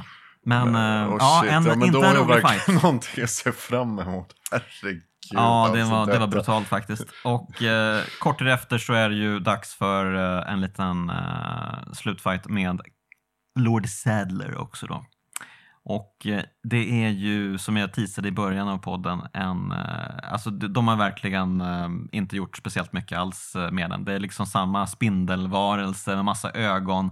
Man ska skjuta ögonen, får dem att sprängas ehm, och sen dyker det upp massa äckliga extrafiner överallt och så ska man springa hela tiden och skaffa sig nya vantage point och liksom Men det, men, men det kanske ändå inte fullt lika frustrerande som, Nej, som nej, nej. striden Absolut inte. För att det, Ehm. det, det är typ, man vill inte ha någon sån här jävla situation där det är så här två superbossar back to back. Nej, nej, liksom. men det är en, li- det är en liten, eh, en liten eh, man, man, behöver, man behöver ju en breeder mellan liksom, där man fyller på med, med ammo och lite peptalk med köpmannen eller Ashley. Och, Ja, köpmannen, han är ju faktiskt helt underbar i sådana sammanhang. Man blir så jävla glad när man ser den där eh, liksom, blåa lågan. eh, Eller... eh, Den lila färgade, Den lila, purpur. den lila var det, precis. Fantastiskt. Ja, Ehm, Det är ju ehm, Man vet otroligt. att det är, det är en stunds respit och nu kan man kolla om, om man kan sälja av sina skatter. Typ, Mm, varav det finns typ 985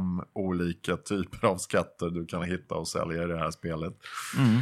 Eh, och omvandla då till, eh, till någonting värdefullt. Och, och det behöver man ju faktiskt för att, för att vapenomvandlingarna blir ju hysteriskt dyra när man... Mm. eh, När Ja, man, man kan ju köpa nya varianter av samma vapen också som man sen kan göra bättre. Eh, så att Yes, man, man, det och- finns ju nya shotguns hela tiden att köpa liksom. Ja, det finns eh, olika varianter av i princip alla standardva- eh, standardvapen i spelet. Och, och grejen är att du kommer inte kunna maxa mer än kanske två stycken vapen eller någonting. Men Ja, jag maxade du inget utan jag hade väl typ fyra fem vapen som jag förlitade mig på. Och eh, så försökte jag liksom bygga upp allihopa, vilket kanske var en dålig idé.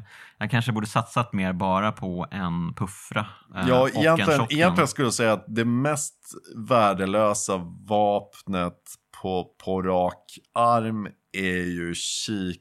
Alltså typ de, de långsiktiga vapnen. För det, det känns som att de hade större användning i första spelet. Att, att här eh, har man inte Ah. så stor de, de, är, anledning de är att... kanske inte lika kraftfulla i det här spelet. Det, det, den det känns som att det finns lite. inte så många fiender. Man, man måste ju skjuta fienderna många gånger verkligen. Ja. in, innan de coolar vippen tyvärr. Ja, Men det Och finns man ju... vill ju inte riktigt skjuta dem i huvudet heller för då finns ju ofta risken att eh, den här eh, insektsvarianten sprutar fram liksom. Fast det, jag vet inte om det spelar roll att, att om man skjuter Nej, dem i huvudet. gör Det kän- nej, jag tror inte det. det. Det är mer att skjut inte dem medan de är nere och sprattlar för de kommer ändå komma upp. Du slösar bara ammo på dem. Det, det kommer komma upp. Typ. Ja, Däremot, nej. det man ska göra är att man ska eh, slänga ljusgranat. Just det, ja det är ju För väldigt då, bra. ja. då är det instakill på, på På parasiterna. alla insektsgrejer, precis. Ja. Parasiterna. Ja, ja, det är ju, älskar Så, ljusgranaterna. så ljusgranaterna är, är paradoxalt nog din, din bästa vän. De är bättre än de vanliga granaterna. Ja, det, det är ju så. väldigt roligt för att alla hatar ju såna här flashgranater i va- i vanliga fall Ja. i, i såna här spel. Men Vem, vem använder flashgranater liksom? Det är bara totalt värdelöst. Men här fyller de faktiskt bra syfte. Eller i och för sig, i, det fanns ju en sekvens i Resident Evil 2 Remake där det var så många zombies på en gång i duscharna i polishuset. Ah, okej. Där hade ljusgranaten en, någon form av användning. Okej. Men, men Mm. annars, annars så håller jag med, med att eh, så är det ju definitivt. Liksom. Ja, okej, okej. Ja, nej, men de, de, eh, jag märkte att de hade även skippat den här liksom turen, containerturen som fanns i originalet. Där man åker på containrar på ett band, alltså nästan som en järnväg typ. Eh, högt ovanför marken. Och sen så är det ett jättemonster som jagar den hela tiden. Den hade de helt eh, slopat här. Men det var liksom inget som jag kände att det saknades heller. Utan eh, jag tror att de hade liksom lagt till andra grejer som passade bättre ändå. Jag, jag, tycker, jag tycker att det, det är helt rätt väg att, att renodla och finslipa. För att det här känns ju inte som ett spel, det känns inte på något sätt begränsat när det gäller variation. Utan Mm, det, nej, nej. det är verkligen att, ja men miljöerna finns ju där. De är, det, det är så stark point of view när det gäller byn och när det gäller slottets överdåd och liksom att det finns personlighet där av att liksom den här ägaren är så pass extravagant och vriden liksom. eh, men, men där skulle man ju kunna säga att, att ön är ju definitivt spelets svagaste parti. Att det ska eskalera när det gäller fiender och action givetvis. Och, Mm. och det säger väl kanske inte så mycket om att fienderna är starkare. Eh, Det märks att det finns en viss tendens att öka på skräckfaktorn inne i ehm, de här labbliknande miljöerna och sådär. mm. Så visst, det, det är lite mörker och det är lite läskigheter som händer. Det kan man uppskatta. Men, men till syvende och sist så känns det som att det är den absolut minst inspirerade miljön. Liksom, Jo, den men så är det miljön. Jag tror att alla hatar väl ön äh, egentligen. Eh, eller hata kanske ett starkt ord. Alltså, det är ju fortfarande roliga strider och sånt eh, så, men det känns lite, alltså rent så här locationmässigt så är det ju inte samma ehm, fröjd som att gå i byn eller besöka slottet och eh, omgivningarna där runt omkring. Utan det känns ju lite, det är mycket så här industrilandskap och eh, Ja, det hänger liksom- inte ihop. Alltså, visst är det typ, eh, för att om man tittar på åttan som är den spirituella remaken på Resident Evil 4, uppföljaren skulle Mm. man nästan kunna säga. Ja, ja. Mm. Eh, där är ju världen sammanhållen från början till slut. Kan Ja, man den, säga. den känns väldigt gammal.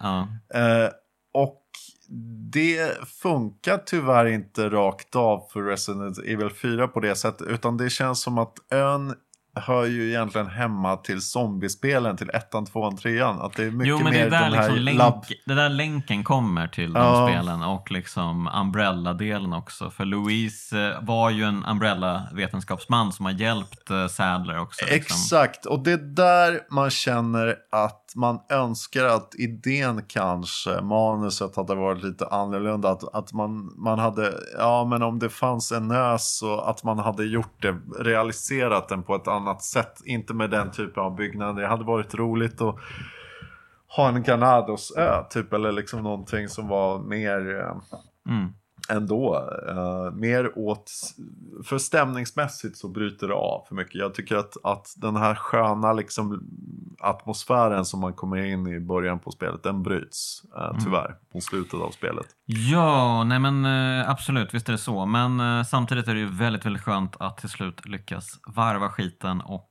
hoppa på den där båten och flyga ut från ön medan den sprängs och Ja, mot klockan såklart. För det, det, det är en klassiker. Det, det, är alltid någonting som sprängs i bakgrunden mm. i varenda jävla Resident Evil-spel. när, man, när man varvar det. Det är alltid att ja. man, är, man är alltid på någon helikopter typ. Någonstans och tittar på någonting som exploderar mm. i, mm. i fjärran. Ja, eh, ja, lite, eller väldigt korkat slut kan jag tycka. Den, det kommer ju alltid en sån här, du vet, um, efter eftertexterna uh, cutscene. En Men liten alltså, teaser på, på det som ska komma kanske? Också. Ja, alltså, man, alltså vi vet ju, vi som har varvat Resident Evil 4 originalet vet ju att det kommer bli liksom en sekvens där eh, Ada ringer upp eh, Wesker och säger att eh, jag har liksom det här Eh, jag har provet med mig. Eh. Ah, hon jobbade för honom. Ja, ja men självklart, självklart, självklart. Uh, och, men han, han, han är så himla märklig här, Wesker. För hon frågar honom så här, ja vad ska du göra med den här då? Jag ska använda den för att ta makten över allt. Ah! Alltså han är helt tokig liksom. hon bara, jaha, och det kommer innebära att miljontals kommer dö, eller? Han bara, biljontals! Biljontals, okej. Okay. Eh, så hon bryter kontakten med honom och sen så riktar hon puff. Hon ghostar honom efter det här. Man bara, men, men Ada, you didn't see this coming. Du verkar ju vara en ganska skarp brud. Det känns som att du har ju valt helt fel uppdragsgivare. Ja, men det, det är så himla märkligt av honom att säga det där till henne. Att han ska ta över all makt och bara liksom... Nej men det är ju så extremt pajigt. Han behandlar henne som helt hjärndöd bara liksom det här har ju du inget att säga till om. Du är bara min betalda knähund liksom. Uh, och uh, tack, nu tar jag emot det här provet och gör mig själv till allsmäktig gud över allting. Uh, och hon bara, nej men det lät inte så bra faktiskt nu när du sa det på det där sättet. Så att hon riktade ju puffran mot piloten och bara, du vi ändrar riktning, vi åker en annanstans. Men, men man undrar, det är så är det här, slut. Är det här, för jag tycker att det är ju sådana grejer som händer Hur i slutet kan av... en person vara så korkad som Wesker är i det här fallet? Eh, ja, nej, men, ja, det, det, är något sinnessjukt. Kan, kan, det här vara en preview på ett Resident Evil-spel som vi inte har sett än. Jag tror att det här är en preview på Weskers eh, liksom demens eller någonting snarare. Senildemens, jag menar han... Ja. Är det inte typ alltså, någon ingen, grej att han, ska, ingen... att han är mycket äldre än... Var det inte någon, någon sån progenitor virus att man, man kunde typ att åldrandet eh, fanns det inte en sån liksom, ett sånt muterat virus att det stoppade åldrandet? Typ? Var det inte så att Wesker egentligen var jättegammal? Typ? Nej, det tror jag inte. Uh, eller ja, inte så gammal. Nej, det tror jag inte. Nej, men uh, jag vet inte, grejen med honom. Alltså, han var ju en vetenskapsman i Umbrellas såld. Uh, och sen så blev han en SWAT-team-kille. Precis, alltså, det, det, här var ju när de försökte bygga ut storyn kring honom jättemycket efter liksom ettan. Uh, för att han skulle bli den här megalomana liksom. Och sen började den, när exakt började han bära svarta solglasögon? Ja men det gjorde han ju redan i ettan. Jaha, um, Han har ju haft det från början, um, den stilen. Ljuskänslig. Även när han skulle liksom framstå som att vara liksom alfa team, eller jo, alfa teams, eller är det bravo team? Nu blir jag osäker. Jag minns inte. För det känns ju inte som så vetenskap vetenskapsmanna Nej men alltså då är han ju SWAT-teamledare. Eh, jag minns inte om han hade glasögonen på sig. Man, så han man får från, se... från nördig vetenskapsman till SWAT-teamledare av ingen orsak alls. Liksom. Jo, Förutom jo, att han jo, var fan-favorite. Jo men hans orsak var ju så här efterhand att eh, åh, han ska liksom uh, infiltrera um, liksom polismakten i Raccoon City och se till att allting liksom eh, där uppe på the mansion, att det liksom får eh, fortskrida utan några liksom interventions eller något sånt där. Att han ska liksom ha lite koll eh, behind the scenes eller någonting. För Men är, Umbrellas räkning alltså? Ja, för Umbrellas räkning. Ja. Men sen har han ju sina egna liksom, makt, planer maktplaner och, typ och sådär. Givetvis. Som men, Kefka. Ja, ja, men han har alltid liksom figurerat i bakgrunden och eh, han har ju liksom framstått som en så här kapabel superskurk eh, som verkligen... Som drar i trådarna. Som drar i trådarna. Men det här han säger i slutet på 4 Remake, det är så jävla pantat att jag blev, jag blev bara sur och Ja, men förbannad. det, det är som en återgång till det här. Det, ja, man, man- man kan tycka att det är ganska irriterande för att det, det skiftar ju liksom tonfallet väldigt mycket från att det här spelet ändå försöker föra ner det på någon form av Ja, om inte trovärdig i alla fall någon form av, någon form av realism i all galenskap som pågår Mm. med presidentdöttrar och Las Plagas och Mm. eh, sekter och typ enorma monster Ja. så, så, så finns det lite mänskliga känslor och motivationer Mm. eh, bakom allt.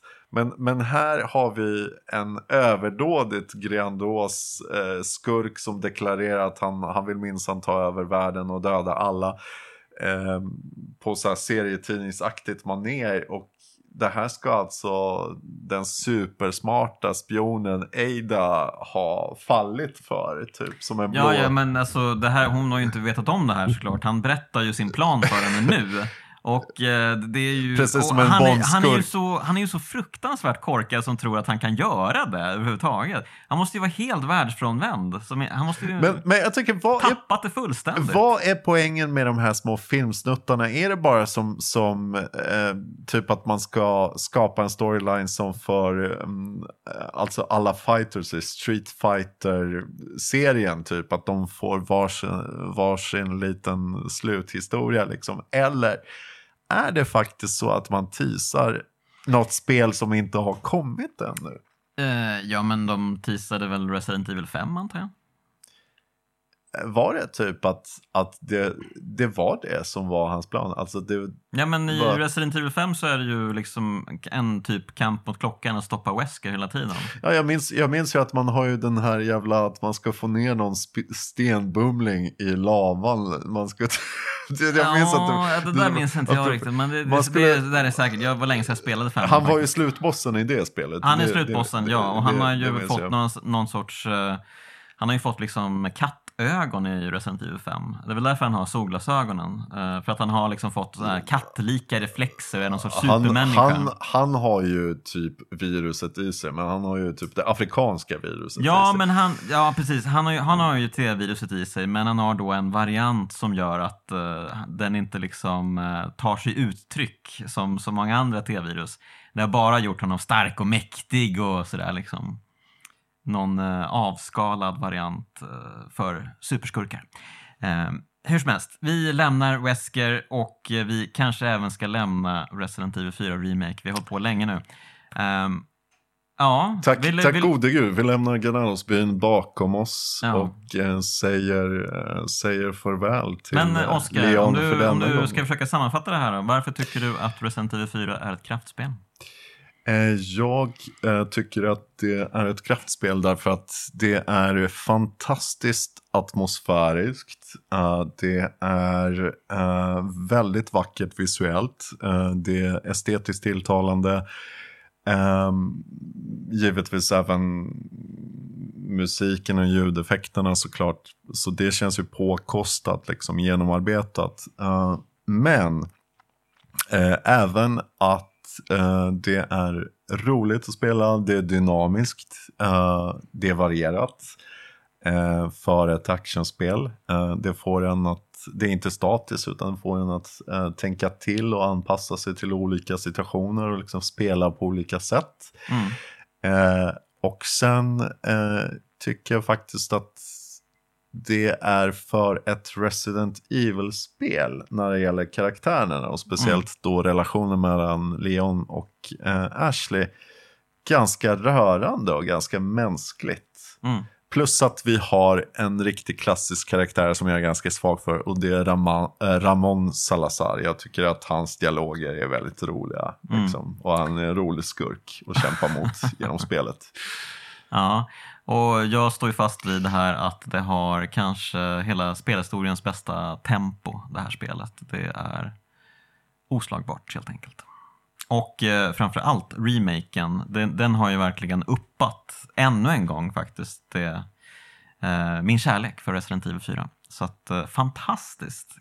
bästa remaken någonsin skulle jag vilja säga. Kan, kan vi enas om ett betyg? Att, eh, tycker du, för att jag gav ju spelet en femma då i, i min recension. Eh, Mm. kanske, kanske inte hade gett samma sak om jag hade spelat ön just då, kan jag säga. Men, men eh, vad tycker du?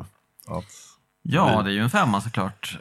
Det är inget, inget att anmärka på här, förutom några små niggles liksom. Och det är ju det är bara dumt att eh, peta i de små, små sår och försöka plocka fram något var där.